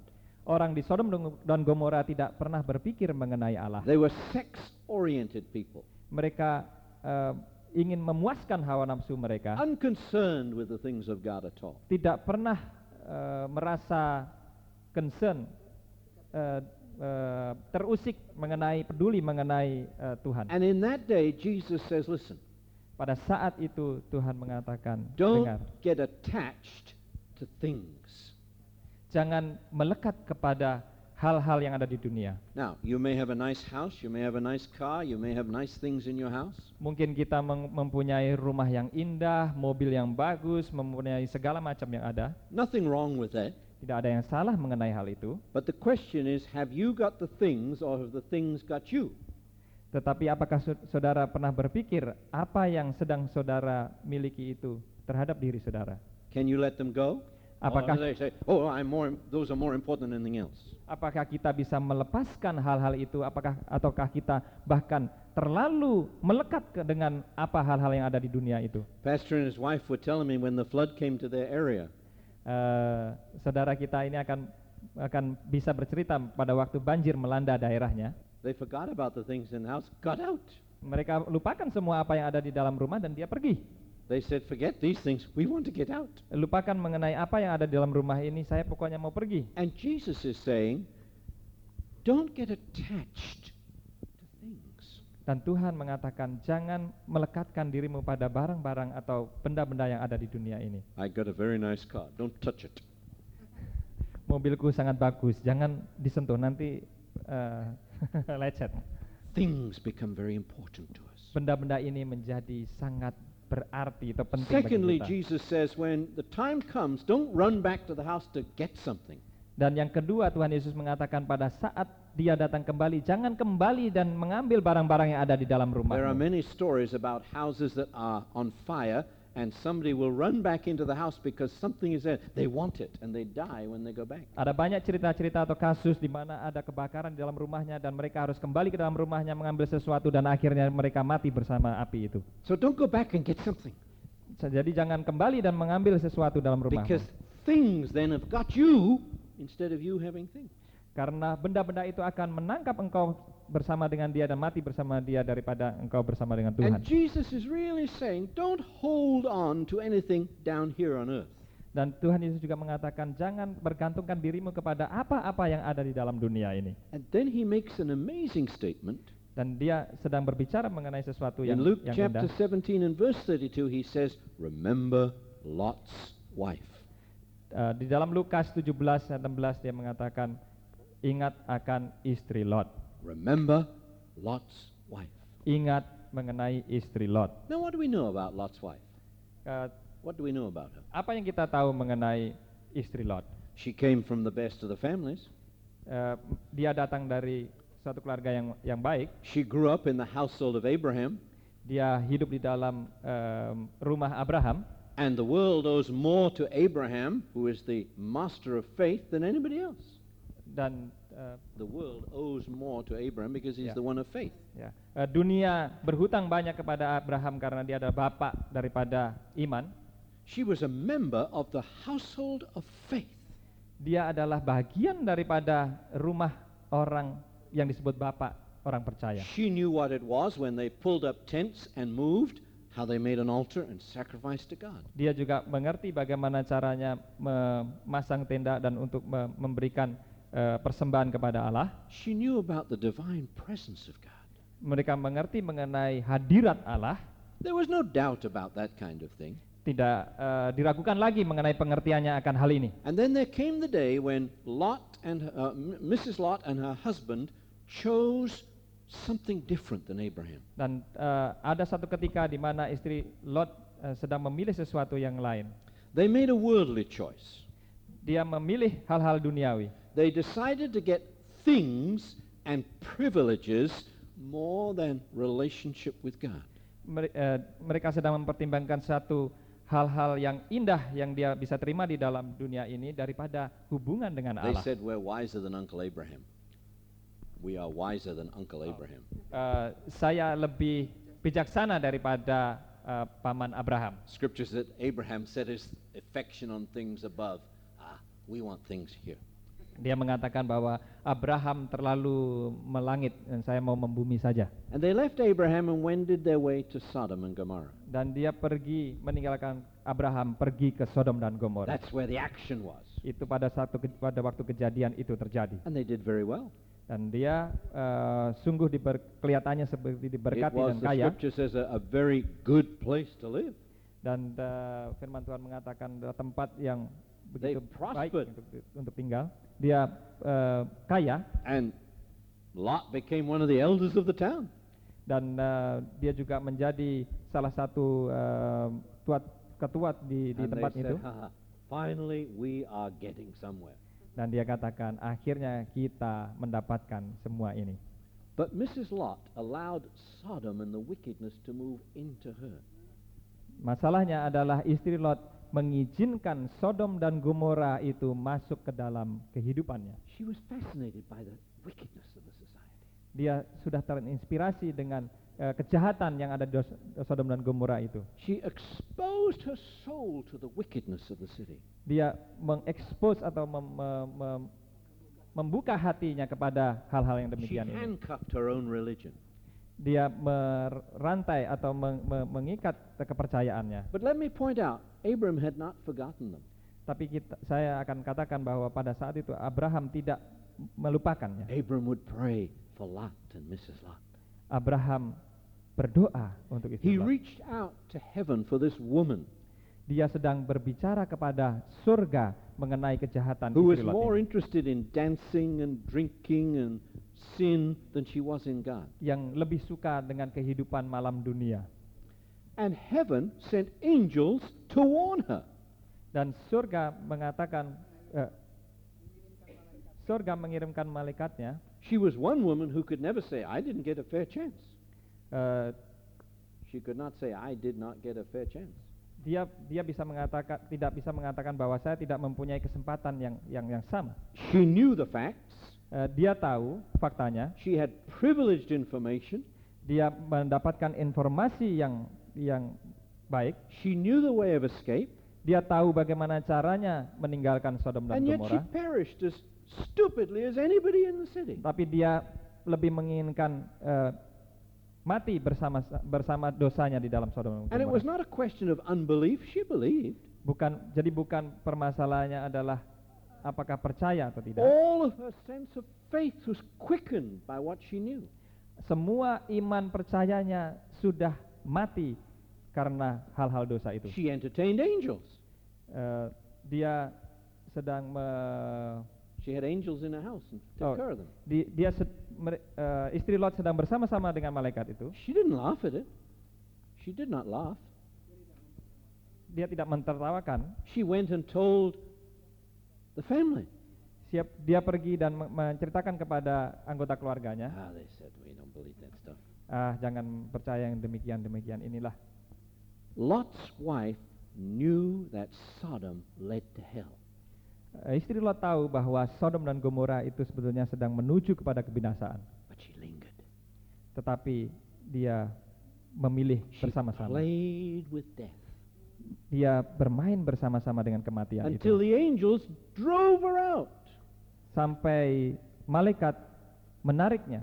She wanted to see one last show, Dia mau menunjukkan satu eh, hal yang terakhir, have one last dance, satu eh, tarian yang terakhir, place one last bet. Eh, menyelesaikan eh, judi yang yang yang And she terakhir. lingered while the fire of God began to descend. Dan dia sedang berada dalam dalam eh, hal itu pada waktu eh, api Allah datang. And maybe you're like she is. Tetap mungkin hal itu terjadi dengan God saudara. knows that you're hard to move toward God. Engkau tahu bahwa hatimu sedang ke arah Tuhan. And eventually, she started moving in the right direction out of the city of Sodom. Dan akhirnya dia pergi ke dalam satu arah yang benar. But what happened? Apa yang terjadi? She looked back. Dia melihat lagi ke belakang. Oh, you say, what's wrong with one look? Apa artinya hanya melihat saja ke belakang? It indicated a heart that was divided. Ini mengindikasikan bahwa satu hati yang terpecah. She wanted a little bit of heaven, but a lot of hell.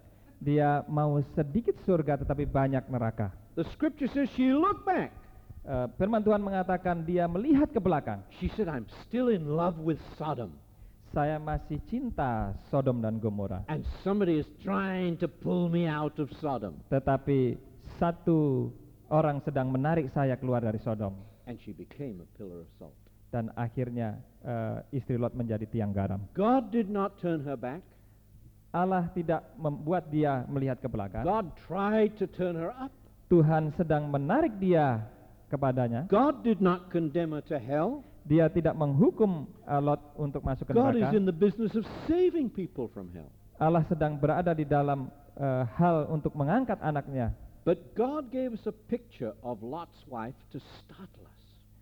Tapi Allah sedang menunjukkan kepada eh, cerita ini And he says to us this morning, dan dia berkata pada kita hari ini, remember ini, Lot's wife. ingat istri Lot. Tell me, are you looking forward to Jesus coming? Katakan sekarang, apakah kita sedang melihat atau memandang Allah kepada Allah Or have things got you? Atau terikat kepada hal-hal duniawi yang mengikat kita? Jesus says, Tuhan Yesus berkata, remember Lot's wife. ingat istri Lot. Thirdly, Yang ketiga, finally Jesus said, don't grow, don't fall, pardon me, grow in God. eh, Tuhan Yesus berkata, Don't go backwards, grow in God. jangan kembali kepada dunia tetapi bertumbuh.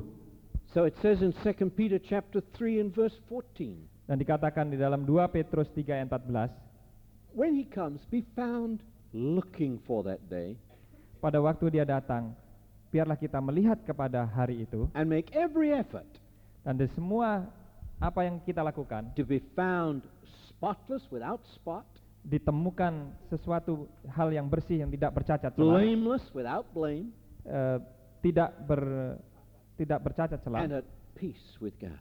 dan berdamai dengan Tuhan. Now, these are three words Ini adalah tiga spotless, eh, tidak bercacat, without blame, tidak ada kesalahan and at peace with Jesus. dan damai dengan Yesus. Spotless means you in relation to your own life. Ber- tidak bercacat celah menunjukkan kepada kehidupan kita dengan kehidupan kita sendiri. In the relation to the way you walk, the way It- you act. Di dalam eh, kehidupan kita, bagaimana kita bergaul, bagaimana kita berjalan. You know if you're spotless this morning or not. Kita tahu apakah kita bercacat celah atau tidak You pada know pagi if there are things in your life which need the cleansing of the blood of the Lamb. Kita tahu, kita semua tahu kalau ada dalam kehidupan kita yang perlu dibersihkan dengan darah Yesus. Nobody has to say, you got problem.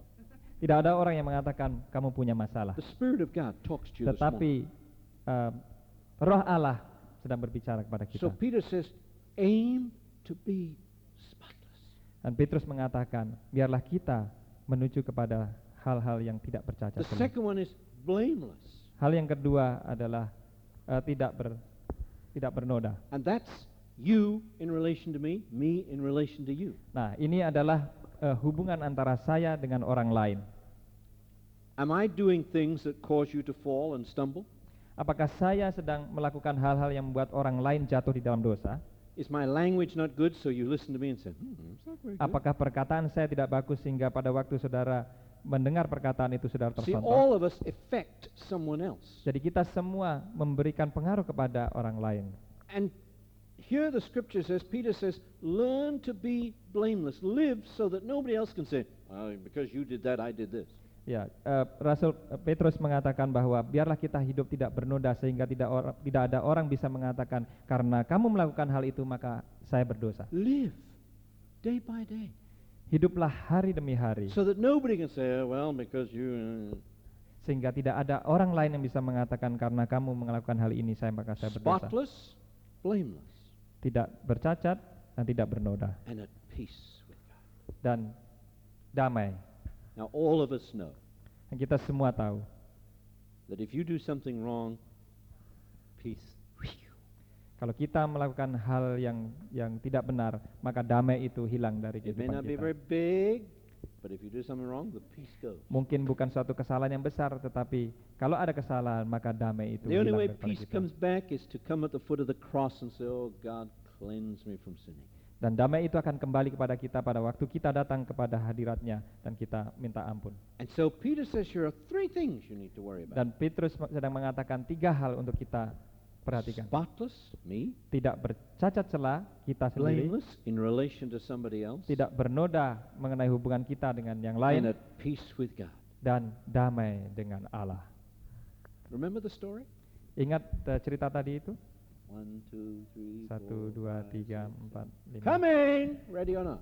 Saya udah datang, siap atau tidak? I think I hear that from heaven this morning. Saya pikir saya sedang mendengarkan hal yang sama itu dari atas. Jesus is calling out. Coming! Tuhan Yesus sedang mengatakan, datang. Apakah engkau siap atau tidak? Are you ready? Apakah engkau siap? Are you ready for Jesus? Apakah engkau siap untuk kedatangan Tuhan? The scripture says the day of the Lord will come like a thief in the night. Eh, firman Tuhan mengatakan bahwa kedatangan Tuhan Yesus itu seperti pencuri. Just like that. Seperti itu tadi. And so, here are the three questions. Nah ini adalah I tiga want you to pertanyaan. remember them this morning. Saya ingin saudara One. mengingatnya. Are you ready for Jesus to come? Apakah engkau siap untuk Tuhan Yesus datang? Consider the signs of the times, Mengingat tanda-tanda akhir zaman, and you need to be living holy and godly lives. Kita perlu hidup dalam eh, kehidupan yang suci dalam